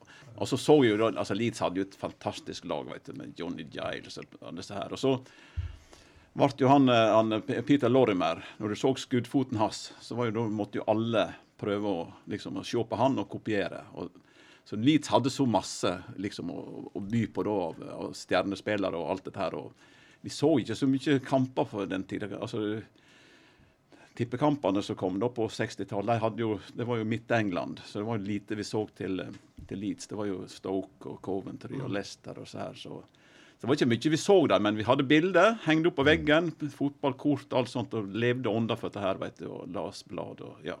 Så det var gjennom blad og aviser? Ja, det var jo det. altså Fikk se disse typene. altså Hvite drakter, vet du, det var jo stor stas, naturligvis. Så, ja. så det var Nei, det, ble, det var jo altså jeg tror faktisk i den tid at vi, i min generasjon så var det like mye Leeds-supportere som det var mm. i dagens Man United og Liverpool. altså Det tror ja, jeg faktisk. Ja. Leeds hadde sånn standing da. Jeg må si det med Terry Cooper. Eh, vi hadde en Cooper på Leeds i dag òg, men, men uh, Terry Cooper han var nå eh, altså, eh, Det er kanskje ikke så mange som vet at eh, altså, han var en av de som jeg eh, så opp til, og som jeg hadde litt sånn forhold til. For at han var venstrefot. Og det var jeg sjøl på den tida. Eller på den tida, jeg er for så vidt det ennå. Det har ikke skjedd noe der. Nå vil noen påstå at jeg aldri har hatt det heller, men uansett, da. I alle fall, det som er interessant med han, det var at han, han var nå egentlig i utgangspunktet en eh, som spilte framme på banen. Og så flytta eh, treneren, tilbake, treneren tilbake til venstreback. Det var litt av det samme som jeg opplevde. og det var liksom, Jeg hadde alltid han i bakhodet. Og poenget med han det var at eh, han i samarbeid med Eddie Gray var egentlig den som eh, blir kalla eh, overlappens far. Mm. Eh, for at han hadde spissgen i seg. Han ville fram. Eh, og samarbeidet med, mellom Cooper og Eddie Gray var liksom verdensberømt i England. Og det er liksom eh, og, ja, og, ja, og den overlappen som de, som de hadde på, på banen, var, var revisjonerende. Og Det som var litt interessant med Cooper, det var at han var, med, var vel i 66, eh, men han spilte ikke. Nei, han fikk ikke. Så han fikk ikke medalje, vet, for det var kun de som spilte, som fikk eh, medaljen. Før han fikk vel han på slutten av 80-tallet, sånn, tror jeg. Da de gjorde om reglene, og da fikk de altså i posten. I posten. litt, det er litt som at noe blir tatt for doping, og så får du liksom fjerdeplassen 30 år etterpå. Liksom, det er kun kona som klapper, vet du, hvis hun, hun gidder, på en måte. uh, ja. men, uh, men, så Terry Cooper er faktisk uh, en sånn ikon. Ja. det var en du kunne sammenlikne litt med? Da, ja, det var måte, du, helt fantastisk. Ja. Talking left foot, det var samme som Nils Petter, veit du. og, Silence from the right. Men var det han som var hva sa si, din grunn til at det ble Leeds, eller? Ja, det var samme som Harald sier, at det var uh, Kite-draktene. Du hadde Bayern München i 75. Det var eh, og så var nå det dirty Leeds. sant? Det var, eh, det var harde, kule spillere. Det var skotter, sinte skotter. Joe Jordan var ikke, Det var ikke ett inn på laget som hadde full tangar. sant? Det var, alt var vekke. Det var alt vekke. ja, det var, ikke, det var ei og anna flis eh, som sto igjen. Men det er klart at det, som du sier, hele den utviklinga Men så dabba nå det. Men så kom nå den nye generasjonen, heldigvis, da, eh, på 80-tallet og 90-tallet og det er nok kanskje de jeg mm, i dag har det største forhold til, og største opplevelsene, når du tenker tilbake til en Jeboa, mm. eh, Strekken McAllister, og mm. de eh, altså, de har fostra noen, eller fostra, de har iallfall hatt et, noen lag som jeg vil påstå eh, De beste kampene til Leeds på den tida der, eh, vil jeg påstå er bare sånne ikoniske kamper mot Liverpool og mot mm. eh, ja, så har vel de hatt en av de største klubbspillerne nå, uh, Ian Hart. Han spilte vel kun for Leeds, ikke han da? Ja, det tenker jeg. Han, han hadde vel over 500 kamper, ja. tror jeg. Mm. Ja, ikke sant. Og det er litt uvanlig nå i våre dager. Ja, det er sant. Og så har de hatt mange storheter der med, med Cantona og alle disse her, men, men problemet til Leeds det var selvfølgelig økonomien som rakna. Og, og, uh, husker jeg satt nede i Spania og så tapet mot eh, var det Sevilla, eller da iallfall de som røk ut til semifinalen i, eh, i Mesterligaen. Og det var nå starten på fallet, eh, som, eh, som de aldri klarte å hente inn igjen før mange mange år, år etterpå.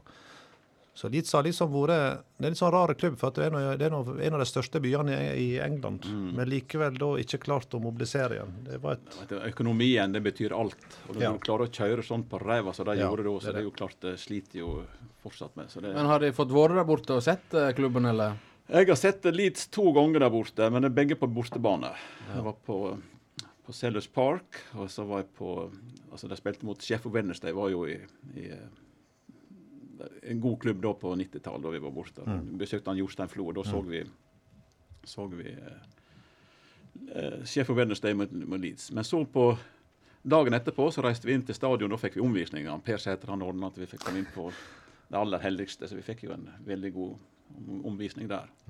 Det var da han, Per Sæter, jeg har sikkert fortalt før, men han, Per Sæter han, han hadde behov for et toalettbesøk. og så var, Det var en mandag. Det var kun spillere som var inne og trente. men eh, så Manageren som for å jogge inn på Håvard Wilkinson, han for å jogge inn på indre bane.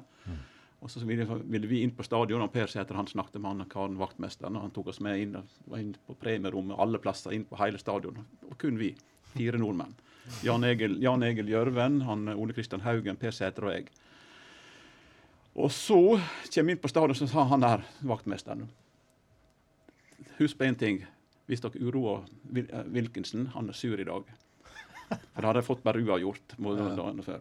Hvis dere uroer Wilkinson nå, så smeller det, sa han. Men Per Sæter du, han er en sånn type som uansett i verden, jeg har vært med han, altså han får venner overalt. Ja, ja. Så kommer Wilkinson joggende. han Per han står og knyter en sko, så han kommer litt etter oss. Vi var jo livredde, så vi for over. Han Per står og knyter sko, og så når han brøyser opp, så står det Wilkinson. kommer han joggende få meter fra oss. Så han Per sa hei. Og Wilkinson han stoppa opp og sier hei. Og det small ikke. Nei, nei, nei, han ble, venner, de to Ja. òg, vet du. Så han venner med alle han. Yes.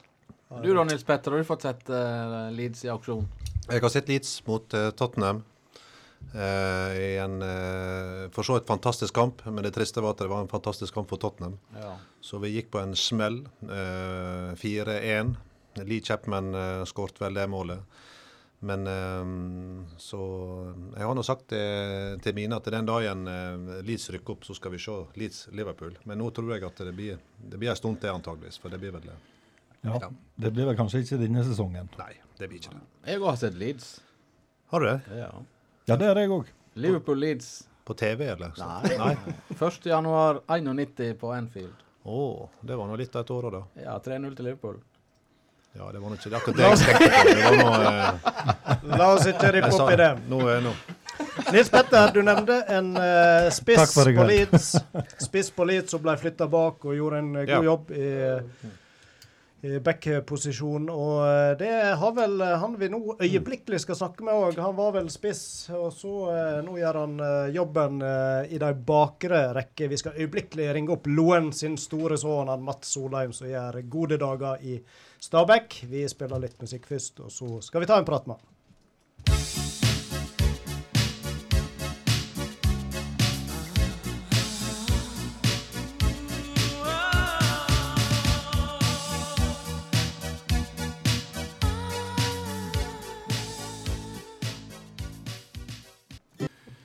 Ja, han, eh, Mats Solheim han har nettopp gjennomført sin eh, første sesong i eh, Stabæk. Og Stabæk sine supportere de deler hvert ut den prest prestisjetunge og sagnomsuste ølkassa. Prisen som Stabæks mest verdsatte spiller er den høyeste utmerkelsen noen spillere kan få ifra supporterne. Kriterier som blir vektlagt, er spillerens betydning, motivasjon, arbeidsvilje, og om spilleren har vært et forbilde for andre og har representert klubben på en god måte. Den prisen gikk i år til deg, Mats Solheim. Gratulerer med det. Eh, takk skal du ha. Hva eh, tenkte du når du ble eh, stemt fram til å bli den heldige vinner av ei ølkasse? Nei, jeg tenkte først, først og fremst så tenkte jeg vel at det var ikke så mange andre på laget som sikkert kan drikke øl, så det var vel derfor jeg fikk med. Ja, men Du må jo ha gjort et uh, inntrykk hos uh, supporterne til Stabæk i år. og um, hva, hva tenker du litt om det? Hvorfor, hvorfor tror du at, at du har fått prisen? ja, nei, hvorfor? Det var, nei, det var veldig, veldig stor pris på at jeg fikk den prisen. Det, det var veldig kjekt. Jeg trodde vel ikke at eh, navnet mitt skulle komme, komme på tavla når de skulle nominere til de greiene, men eh, Nei, jeg veit ikke. Det har vel ikke blitt uh, begrunna så veldig mye. Jeg fikk prisen etter forrige heimkamp, og jeg veit vel egentlig ikke helt begrunnelsen, men jeg vet ikke, vi har jo hatt mye skade i året, så jeg har dekket ganske mange posisjoner, så det kan ha med det å gjøre. at uh, Ja, jeg veit ikke. Jeg er nå mest spent på om du har drukket opp brannkassen med øl. Ikke hele. Ikke hele, nei.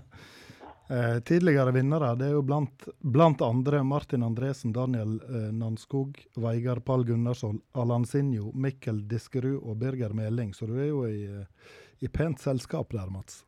Ja, nei, Det er veldig, veldig kjekt. Men jeg sa det var, det var, det var bra at det sto viktigste spiller, og ikke beste. For det, det er to vidt forskjellige ting.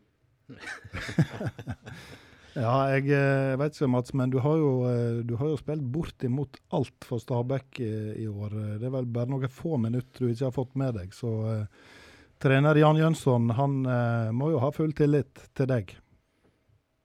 Ja, jeg får nå håpe det. Eller så, eller så har han lite å velge på. Vi, ja. Hvis tekniker eh, Ove André er med oss, eh, så har vi fått inn eh, noen ord fra treneren din. Vi kan høre på det. Hej sportens bas. Eh, dette er Jan Jønsson, eller Jan Jønsson, det er vilket ni vil. Eh, er trener i Stabæk og eh, æren å trene til Mats Solheim under året. da. Vi er veldig glade å knutit honom til oss. da. Han har et fint fotballår bakom seg. Vi har fått slita på en gammel kropp, jeg tror nesten i samtlige 90 minutter i varje match. Inte helt då men inte så långt ifrån heller. Så han har varit eh, bra, han har varit användbar. Vi har nyttjat honom som högerback, som vänsterback och som mittstopper. Han har även hamnat längst fram i motståndarnas straffområde och gjort mål för oss. Konstruktiv och fin på plan. Minst lika konstruktiv och fin i sociala medier och utanför plan har jag fått eh, berättat för mig. Eh, ha det så bra, ni får ha det så gott tillsammans med Mats Dahl, vad det lider. Ha det bra, hej! Fikk du med deg eh, det han sa? Ja, nei, jeg skjønner litt som et coach. Altså. Det, nei, det var da veldig hyggelig, da. Ja. Så, nei, det, nei det, var, det var veldig kjekt å høre. Eh, Hvem som ringte meg, skulle du si? Nei, vi, de jobber jo litt i kulissene her, Mats. Det er ikke bare å møte opp og Og så hadde jo han, jeg må jo nevne det òg, Jon Terje Kjellaug hadde et eh, langt eh, og godt innlegg om deg eh, på Facebook her en dag. Har du lest det? Det har jeg faktisk. Jeg er egentlig ikke så veldig aktiv på Facebook, men eh, jeg har en Christian Brynstad som sitter her nede i Oslo, som, eh, som påpekte det. Så det var ingen laste, og det var utrolig fint, uh, fint skrevet og sagt av Jon Terje. Og jeg har, skrevet det den er på melding. Ja. Ikke i kommentarfeltet. Det var mistenkelig mange ord og vendinger der som òg sto eh, i fjordingen eh, før på dagen. Inspirert av Thomas Daule sin eh, artikkel. Men du, men du Mats, du har jo en tendens til å være en populær person i de klubbene du er i. Eh, Har du noe eh, formening om hvorfor du er så populær blant fansen i, i hele Norden? Det er vel oppdragelsen han har fått hjemme i Stryn, da. Så han er liksom eh, ordentlig person. Ja. Nei da, det, det Jeg veit ikke. Jeg er nå- bare meg sjøl, skulle jeg si. Så dette det er ikke mer med det. Nei, men da er du vel kanskje inne på noe viktig. At å være seg sjøl, er en god ting. Og så har du jo en spillestil som eh, er veldig lett å forelske seg i. da. Du gir alt, og du er oppofrende og alltid 100% Det kan du være enig i. Ja, ja, det, kan jeg, det er jeg nå veldig enig i. Og det, det har jeg sagt egentlig Jeg sa det vel til en lokalavis her òg, og jeg sa det vel til Fjordingen òg, egentlig. At det var litt sånn artig denne gangen at uh, en kan bli satt pris på de, den type spillere òg. For det er ofte de som produserer mål eller har mye C-moment i spillet sitt, som, som får sånne priser. Så dette, det, det var, det var stor, eh, stor stas å få berøm av, eh, av å kunne være den type spiller òg. Han, han hadde glidd rett inn på Leeds på 60-tallet, her, eh, Harald. Ja, Mats han hadde passa i alle lag. Altså. Han har med sin spillestil. Men én ting Mats Harald Vartdal som spør her. En ting som jeg lurer på, sånn som nå Stabæk.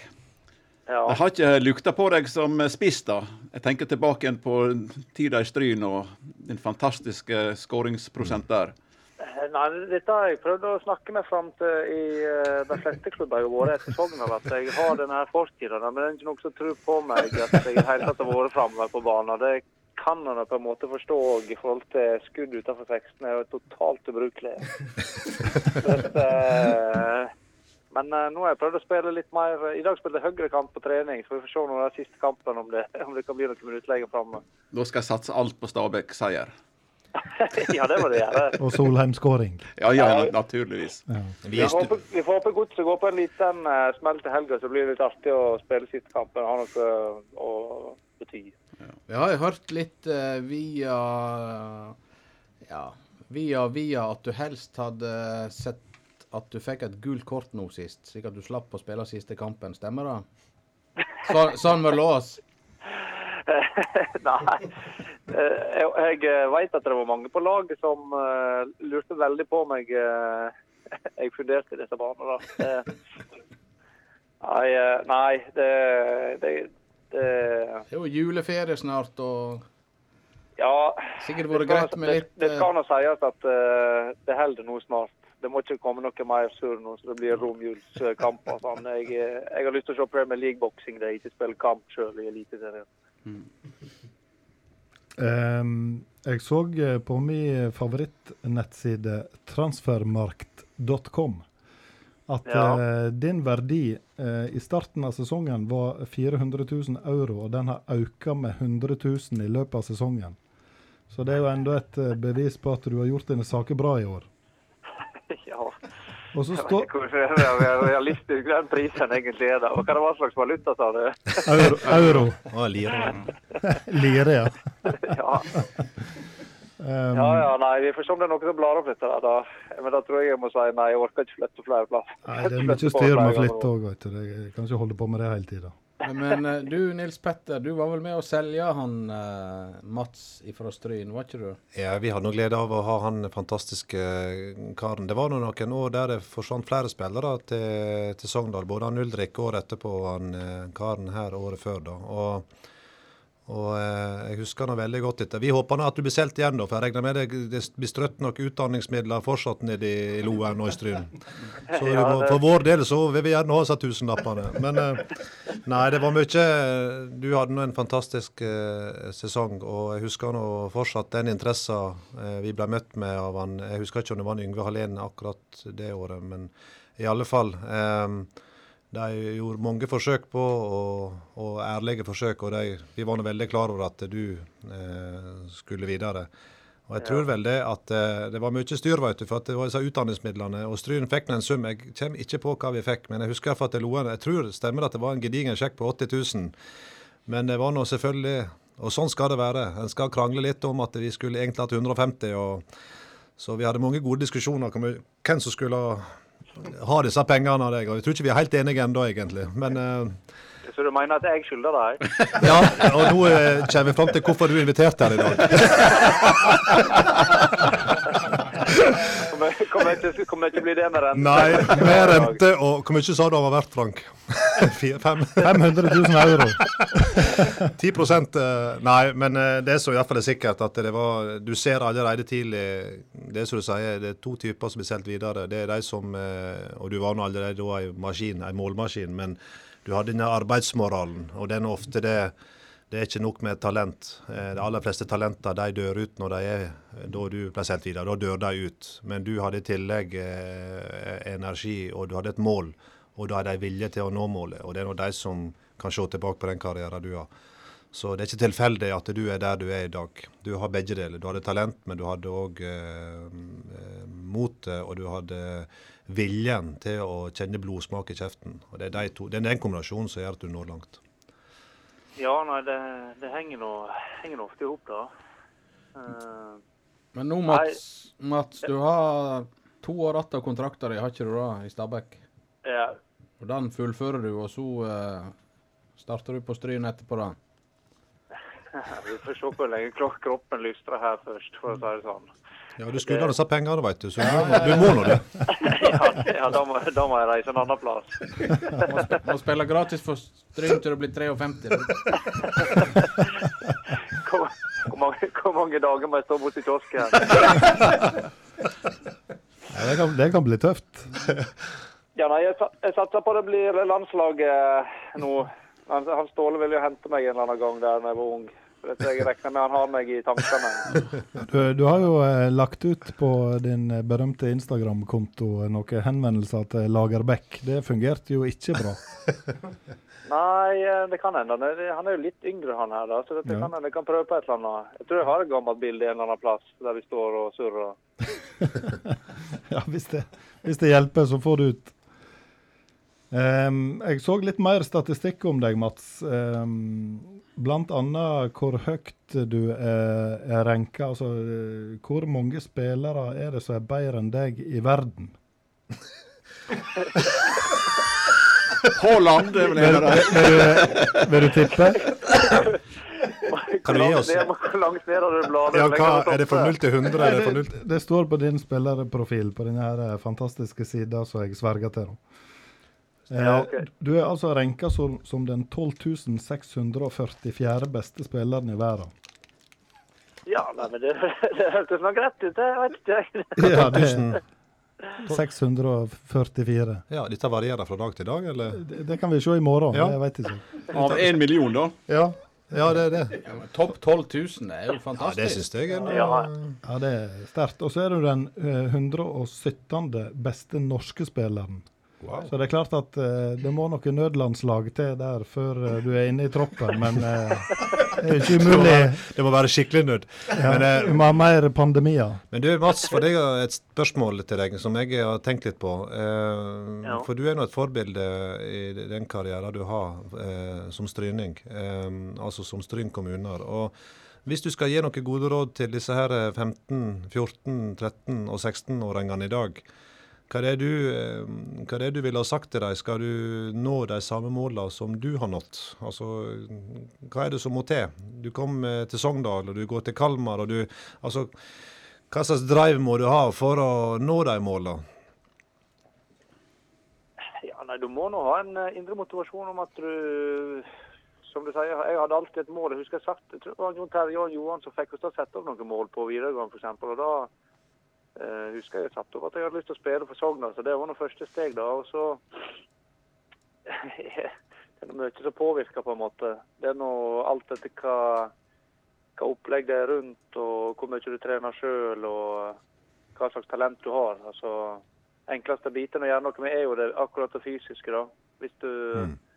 står på og sånne ting. Men uh, mer og mer i dag så er det jo avhengig av å faktisk være god teknisk og taktisk. Da. Så dette, det må jo òg ligge til rette fra ja, Stryn fotball eller lokal, Mm. lokalfotballen da, sin side. Så det er ikke det er ikke bare opp til en sjøl. Og så eh, handler det om å ta steg. eh, og jobbe på hele tida på å kunne bli bedre. Mm. Tåle motgang, det- kanskje? Tåle motgang, men mm. det er nok vanskeligere i dag eh, enn det var den gangen eh, vi, vi kom opp allikevel. da. Mm. Det er mye mer fysiske fysiske ting som påvirker. Altså, jeg vet jo f.eks. at det er mye statistikker sånn. Han, Hank Olsen som reiste til Belgia nå, f.eks. Han var i grenseland på å være for kort til å, at de hadde hentet han som stopper, f.eks. Eh, og sånne ting. Men, Mm. eh, men det er nå bare å stå på, så blir du god nok eh, teknisk og taktisk, så vil du komme deg videre. Mm. Og det, det er bare å stå på.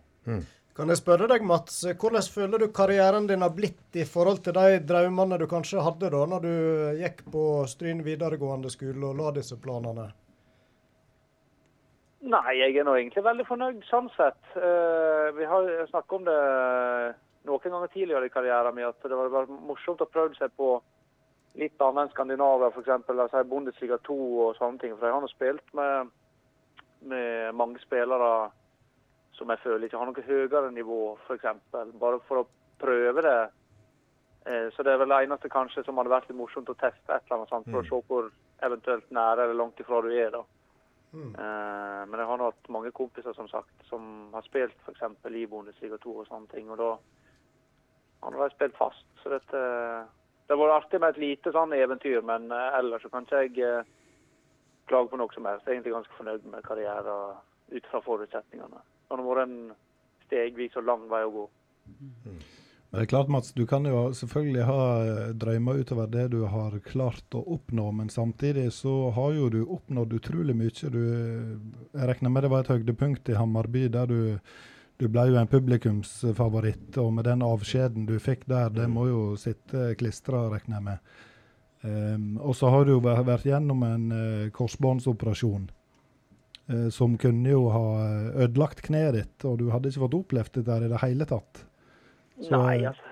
Det er, som, det, det er noe med livet generelt sett at det er mye ting som uh, skal klaffe, og tilfeldigheter og sånne ting. Og jeg sa jo det, jeg husker når, ja, det var et dumt tidspunkt å få det når jeg kom til Kalmar akkurat, for da var det snakk om noe januarturnering med Norge og styrevesen. Men samtidig så sa jeg at ja, hvis jeg hadde tatt korsbåndet siste sesongen i Sogndal i stedet, sånn, så hadde jeg aldri fått komme ut, kanskje, Mm. og blitt værende. Så det jeg er egentlig ganske takknemlig over den karrieren jeg har hatt. Og disse åra, spesielt i Hammarby, har nå vært eh, kanskje høydepunktet, da. Med tanke på alt publikum og trykket rundt de to siste sesongene være med å kjempe egentlig om gull begge sesongene. Da. Mm. Ja, og så i tillegg da når, eh, når du Eller kanskje mange trodde at du skulle trappe ned litt, så går du til Stabæk og spiller fast i Tippeligaen. Og i tillegg blir kåret til årets viktigste spiller der. Så eh, eventyret er jo ikke helt over. Nei, så det har vært fint å kunne avslutte med et gull her neste år. Ja, er det ambisjoner? Ja, da gir det meg. Nei, nei, det er vel det er, altså det er det som Ambisjonene kommer sikkert til å være litt høyere enn det vi uansett kommer til å dukke eller ende opp på i år. Da. Men eh, det er litt sånn vanskelig når det er en mindre klubb. Altså, du får ikke holde på kanskje et lag hele tida. Da, da jobber du med en filosofi. Bygge opp unge spillere og selge videre. og sånn. Så dette, det, det er vanskelig å kombinere ambisjoner på tabellen i tillegg til at du skal drive klubb på den måten. Da. Men Mm. Men nå ser vi sånn som Bodø-Glimt i år, eh, er vel ikke noe enorm klubb det heller, sånn sett. Eh, Nei, så nei så det, kan, det kan, jo, kan jo skje. absolutt. Men det er nok, eh, jeg tror nok det er en litt lengre prosess. Altså, nå har Mm. Bodø-Glimt jobba jeg vet ikke hvor mange år det har på sånn sett, men altså, det, tipper den prosessen har vært litt lengre enn fra en sesong til en annen, tipper jeg. Men uh, hvorfor ikke? Jeg sier at eh, Stabæk er en attraktiv klubb. Det så vi i dag, da når han Markus Solbakken eh, gikk forbi eh, Lillestrøm til, til Stabæk. Ja, det, det er et godt tegn på at eh, klubben har en veldig bra eh, posisjon.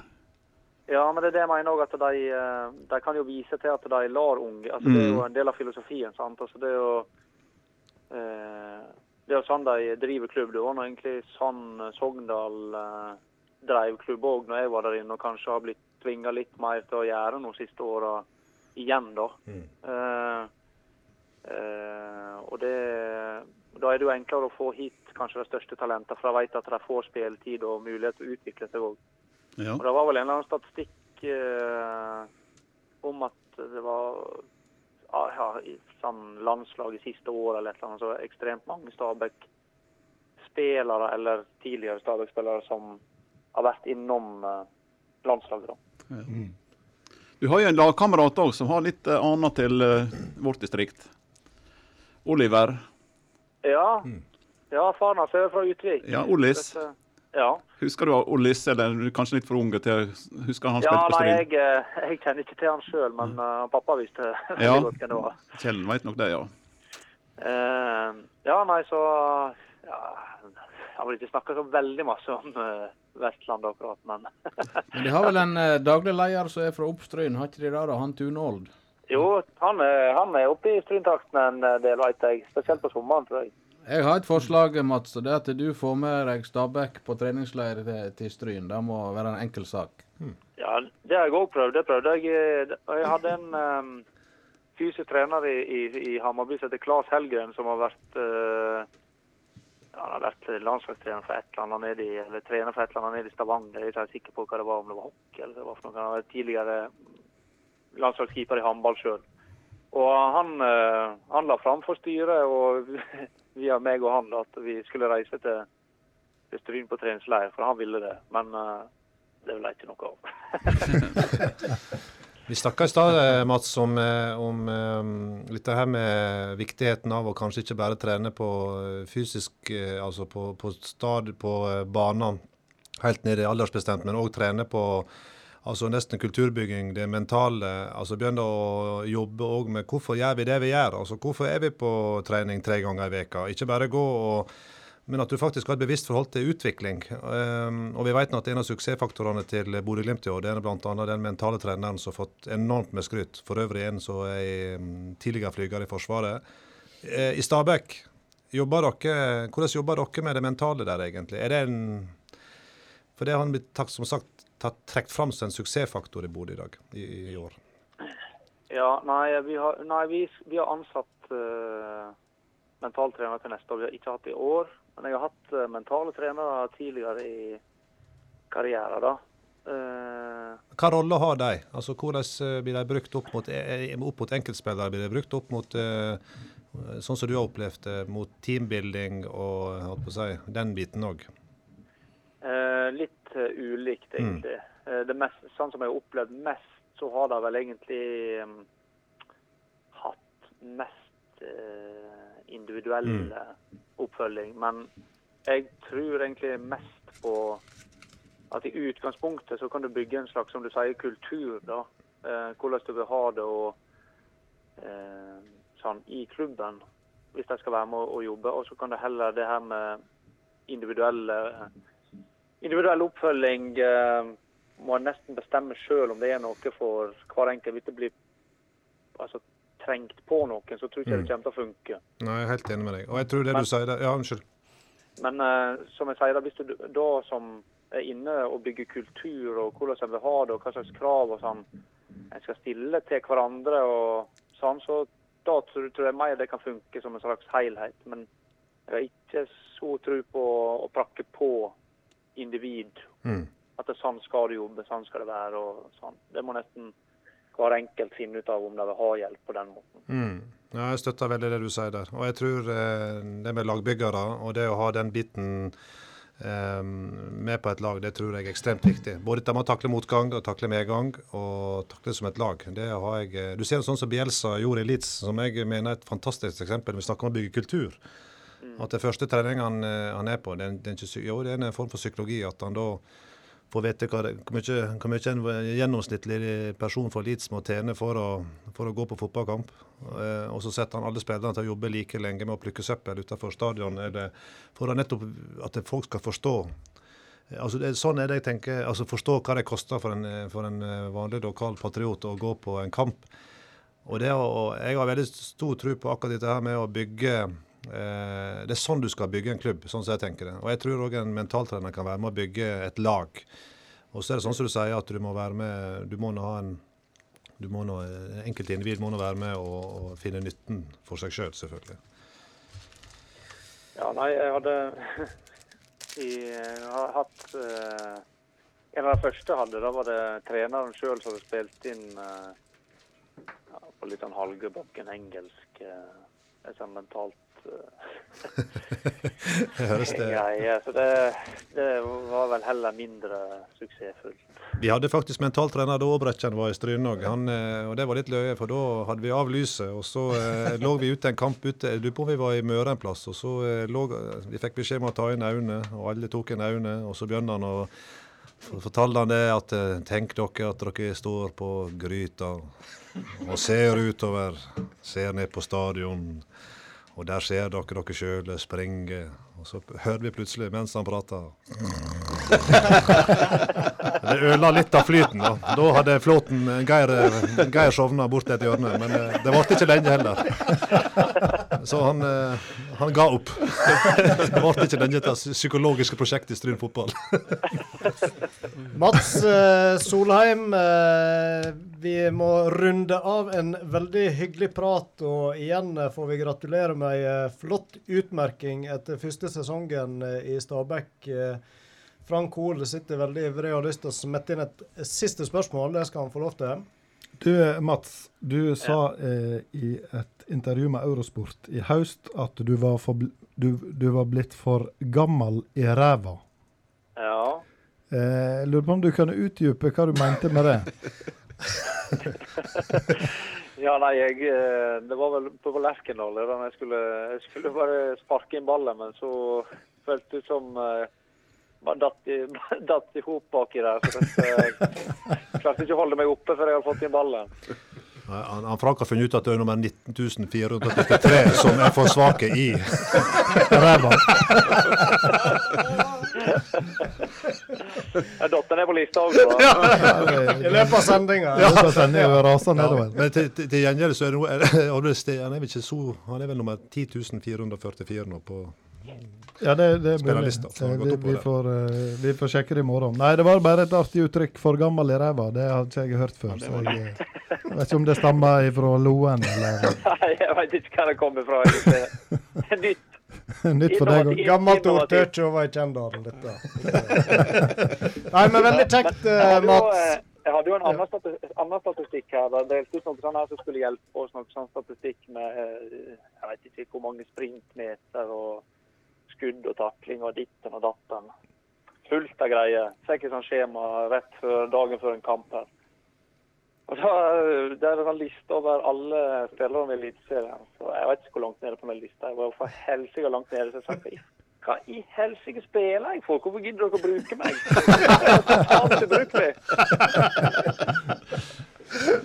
Det er en jækla kjekk kar, Mats. Kommer langt med det òg, vet du. Ja, ja. Men eh, blir det en tur hjem eh, i jula? Eller blir det å holde fortet i Eh, Stabæk? Det er litt uvisst uh, enda. Eh, forhåpentligvis så kanskje det er mulig å la seg gjøre. Det kommer litt an på fjelloverganger og Mm. forskjellige. Hadde du fått dette gule kortet, du, så hadde dette vært grei skuring. Ja, er det, noen, er det noen i studio som har satt hele huset sitt på dette der, eller? Ja, det er vel det.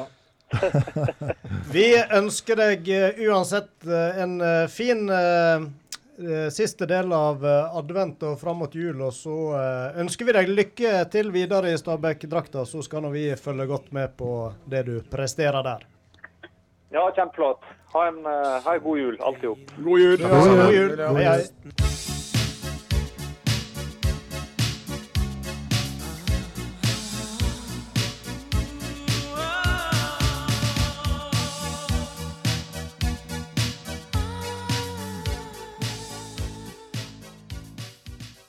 Ja, karer, da begynte vi å eh, gå inn for eh, landing i denne sendinga. Vi har sittet her i snart eh, to timer, og jeg har iallfall kosa meg godt og hørt om både litt gamle skrøner og sannheter fra svunne tider. Og så har vi hatt en kjekk prat nettopp med Mats, og hun Evy har vi hatt med oss.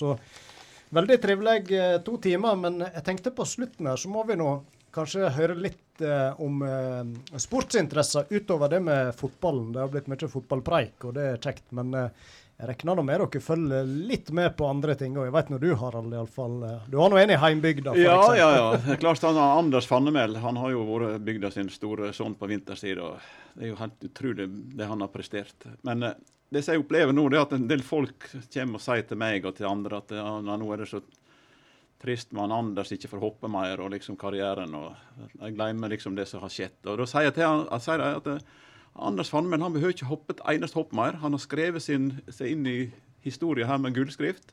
Det han har prestert, kan ingen ta ifra han. Han har hoppa 251 meter, en halv, 251 meter, en halv meter. Han har to VM-gull. Han har vært med i OL. altså Han har en, en CV som er jo helt fantastisk, som rager høyt. I- både Sogn og Fjordane på Nordvestlandet. Så den kan ingen ta ifra han. Var ikke han sammenlagt på pallen i hoppuka òg for noen år siden? Jo da, han ble jo nummer tre der. Så Ja. det er jo det er jo sånne prestasjoner, vet du. Så vi hadde sagt dette til oss da på 60-70-tallet, at vi skulle Mm. ha en hopper fra vårt distrikt som ble nummer tre i hoppveka. Så hadde jeg lurt på om det var spinnende galne, vet du. Og som du har sagt før, Harald, så var det jo lenge Da var det sjetteplassen i OL til Per Knut Aaland. Det var jo et eh, under nesten på den tida. Det skal jeg si at det var så stort for meg og for vi som bodde her, da Per Knut Aaland i OL i Innsbruck 76 gikk inn til sjetteplass på femmila, 21 et halvt år gammel. Ja. Altså da, det, tok helt av. Jeg bodde i Stryn sentrum her og så liksom reaksjonene her. og folk, Ungene begynte å gå på ski for oppe til Skeid og for og sprang med ski, og alle skulle være Per Knut. Altså det, det, det, Olympisk poeng, Ja. det var stort. Å, ja. Ja. Og så når han da kom på OL OL-sølv i, i 1980, Lake Placid på stafetten, vet du, det òg, så Nei, men den tida var ikke så, så godt forvandla, vet du. Nå er det klart sånn som han, han Johannes han tok sin første, første verdenscupseier for sju, år- sju, sju år siden i dag. Ja. Og jeg vet ikke, nå Fikk han som nummer 50, eller går han og venter på nummer 50? Han venter nok på Ja. den ennå, ja. Så Da det- ser du hvor blasert det har blitt. Ja. Så det er jo Ja. eh, en helt annen tid. Så det, Apropos dette med han, eh, med han eh, Anders, så eh, litt artig at han, eh, han Lars Kveen han inviterte nå Støkkel og hele gjengen han ut på eh, helikopterbasen og hadde stor feiring av han der ute. Og, eh, og det prominente Holke Hauge var henta inn for å spille den kvelden. Og har ikke Støkkel fått, uh, fått uh, hårsveisen bakover før, så fikk han iallfall den kvelden. Men først han trente, da uh, hoppa han opp et nivå og kom vel og tenkte at nå skal det bli underholdning. Og det er klart at Da holdt ikke den sette i gang med glosene sine. Da slurt. Men det enda med den kvelden at vi sto Det ble en trio med Støkkel. Eh, eh, og det var utrolig kjekt. Og eh, skjønte vel det da den kvelden at, eh, at en kan godt øve mer på det vokale, for å si det sånn. ja. Men det er jo andre ting Det er jo andre ting som gleder nå sånn lokalt her nå. Jeg må si jeg ble litt sånn smårørt når jeg så nå på forrige helg. da.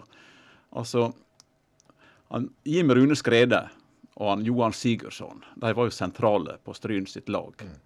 Og den søndagen da de avslutta toppserien, da hadde altså begge disse strikene der Mm. døtrene sine som debuterte i toppserien. Emilie Skrede og så Marie altså, Johannes. Så det er dattera Jim Rune, Ja. Så jeg sier at da så er det liksom, eh, Og så ser du døtra hans Jon Terje. Så er det så mange som kommer nå. Så det må være jobb, de må jobbe kjempegodt. Så jeg sier at jeg snakker om at ting var bedre før, men mm. det er altså eh, gror så godt. Se på friidrett i Olden. altså det så det er masse, masse positivitet. Og dere følger med? Ja, men, ja, og dette er så viktig, Harald, at det var, jeg, jeg håper ikke det var det fotavtrykket vi setter igjen i stad, at vi mente at det var alt var gale. Men så vi, vi, det vi sier, er nå bare at eh, den delen av fotballen er òg veldig viktig. Eh, og det er klart, det som du sier, det, de to jentene der, og de tre, er nå et forbilde eh, som er, Altså, det er så viktig, det de gjør akkurat nå. De viser at det går an. De, nå, nå er vi liksom begynner å komme litt tilbake igjen. og eh, Litt sånn som vi sa til Mats i stad. De er talent, men de har òg denne her eh, Det oser av eh, vilje når disse jentene holder på. Og Det er nå det som må til. Det, sånn er det bare. Lone Vik altså det her, Ja, hun Hvis du ser rundt oss, altså, altså, jeg, jeg syns det er så kjekt å følge med disse her da som du eh, har lokal tilknytning. Mm. Skiløper ut av Hyen. Han her eh, Ja. Botten. uh, Hope. Hope. Ja. Mm. Kjempeartig. Ja. Så det er mye å glede seg over. Men det er litt artig, da. Vi vender alltid tilbake til én ting, og den indre gløden. Jeg husker det var i første sendinga vi hadde for uh, snart to år siden. Da var det Johan Sigurdsson som var gjest, og da prata han om hvor mye det betydde den indre motivasjonen hvis den i det hele tatt skulle opp og fram. Og det er vel det vi kan koke det ned til, at hvis ikke du har den, den i deg, så eh, er det tungt å nå så mye lenger enn kanskje helt lokalt. Enig. Og, den kan, og det er litt sånn som vi snakket om i stad, at den kan ikke skapes bare i seg sjøl og en trener. Den må skapes av et publikum, som du sier. De må, de, de må oppleve at en kommer faktisk eh, sender en tekstmelding etterpå og sier gratulerer med innsatsen, eh, for en jobb, hvor flink du er. Altså, det er ikke bare foreldre og nære og trenere. Det må samfunnet vise, oss, vise at vi bryr oss. Stille opp på en kamp, være 200 på en, eh, en guttekamp eller en kvinnekamp eller hva det måtte være, for å vise dem. For det er sånn du bygger kultur. De kan ikke gjøre dette alene. Mm. Så um, Oppfordringa får gå litt ut Uh, folket der ute, vi som er publikum, må skape litt engasjement, samme hva idrett er. Og, ja. Det syns jeg. Det tenker jeg oppsummerer ganske greit eh, mye av det vi har prata om i dag. Nå gjenstår bare én post på programmet, og det er kåring av den store vinneren fra ja, i siste konkurransen i år. Og der eh, skal vi få en fanfare òg, da.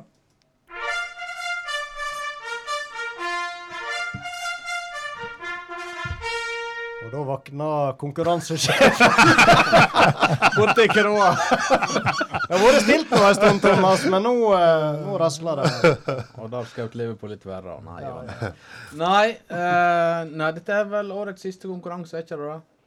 Ja, det er det. Og vi har vel eh, Har ikke vi hevet litt sånn ekstra i potten denne gangen òg? Jon Os, daglig leder i Stryn fotball, han tror jeg har hevet inn ikke mindre enn to eh, sånne adventskalendere. Så der er det jo bare å så kjekt å kan sprette opp eh, over halvparten av lukene når en får dem allerede. Ja, der, der må jeg skyte inn en liten ting. Vi har kjøpt denne her eh, fotballkalenderen til Stryn fotball i alle år. og Det er nå selvfølgelig for å støtte fotballgruppa, men jeg har drevet og åpna på disse lukene, og Mm. der står jo aldri noen ting Nei, i forhold til premie. Mm. Men eh, nå her en dag så vant vi eh, Piskadausen. Eh, andre premien. Jeg tror det var 4. eller 5. desember. Oi, gratulerer, Frank. Tusen Oi, takk. hva Og det er- er klart, i et uh, år eh, der vi har vært gjennom en pandemi og mye Mm. tunge saker, så det å vinne i Stryn fotball sin julekalender, Ja. det var stas. Det skapte åtgaum i familien. Det var Åtgaum ganger to. Ja. Er det lov å spørre hva du vant for noe? Det, var, eh, det kan du gjøre. Det var en eh, friluftspakke fra Stryvo, der vi fikk en, uh, lita sånn eh, campinglykt. Eh, en eh, termos eh, fra Hadeland. Eh, det sto Stryvo på. Og så var det ei, ei meget eh, pen rumpetaske. ja men, Den kan du gi til Mats Solheim. ja, Hvis man har muskler å bære den. Men eh, det var det var stas. kjempeflott, Frank, at du deler dine Ja, lodderfaringer med oss. Er kjemperørende, faktisk. Ja. Tusen takk, Frank. Ja, bare hyggelig. Tillegg Så nå er til julekalender så må vi jo eh, ikke glemme vår eh, fantastiske T-skjorte, som er selvfølgelig da er obligatorisk ja. premie. Og der er det jo slagordet vårt. Radioprogrammet med Flere gjester enn lyttere. Og nå talte jeg vi at eh, Med gjestene i dag så har vi hatt 125 unike gjester så langt. Ja. Og noen har jo gått igjen og frekventert. Jeg tror en del av de eh, klager på at jeg sa feil klubb i stad når, eh, når Leeds røk ut. Antakeligvis er 100 av dem for å påpeke rett lag som Leeds spilte mot i Champions. Ja, det var jo Valencia og den. Klar over det, Thomas, men jeg er nå nervøs i setet her. Jeg Ja, ga meg ja, dere, ja. og det er fort gjort å, Sevilla slutta på A da. Ja, men, jeg, men jeg beklager. Ja, Men for all del. det er greit. Rett skal være rett. Men Det skal det, Harald. Takk for det. Nå, spørsmålet sist var Vi hadde jo han eh, Sander Amble Haugen eh, på tråden. En av de andre lokale utøverne vi har som eh, gjør det bra. Og han spiller jo i andredivisjon fotball. Og spørsmålet var hvilken klubb han spiller for. Nå? Eh, Ja, nå, ja. Ah, ja. Vet dere Vet de da? Sotra. Det er Sotra, ja. Sotra SK. Og da, da foreslår jeg at uh, Harald, som har vært en gjenganger i vårt program, og som vi støtter oss på, han skal få lov å trekke dagens uh, vinner. Absolutt. Den her skal Helt enig. Er det greit for deg, Nils Petter? jeg føler ikke at jeg har et valg, så jeg sier ja. Det blir feil å si nei. Ja, det ble det nå. Her ligger et Der er han på klippe- vei ut døra. Ja. Han Harald, han uh, trekker nå. Du får kontrollere, kvalitetssikre at trekkinga går rett før seg. Og vinneren er Mats Gjørven. Ai, Ai, ai, ai, ai, ai, ai. Kjekt med nye navn. Ja, veldig bra. Og Mats han har jo sendt inn eh, svar før, har vi registrert. Send oss eh, adressa di, Mats, og gjerne en størrelse på den T-skjorta du har vunnet. Så eh, skal vi sende den til deg så fort som mulig. Nå begynte klagen å komme Nei, det er størrelsen på drakta. Oh, ja. Ring inn det. Har du hugst øyedråpene i dag, eh, Roy? Nei, det har ikke jeg. Det var klokka ti, veit du. Ja, stemmer det. Nei, men det får vi ordne etter hvert. Det går bra. det er bra du passer på. Da eh, tror jeg eh, vi rett og slett eh, skal sule inn her. To, vel to timer, trivelige timer. Vi sier tusen takk til gjestene i studio. Nils Petter Hauge og Harald Vartdal. Veldig trivelig. Og så ønsker vi dere ei riktig god jul etter hvert. takk det samme. Og så skal vi òg si tusen takk til hun Evy Mariann Rossetvik og Mats Solheim, som har vært med oss eh, på telefon. Og eh, så må vi jo takke for oss i studio òg. I teknikken. Ove André Årskog, Leeds-supporter han òg, og fornøyd med kvelden. Og eh, jeg heter Roy Aron Brennvik Myklebust, og ved min venstre side Thomas Taule Hauge Vartdal. Og ved min høyre side Harald Nils Petter Hoel. God jul! God jul! Ha det bra.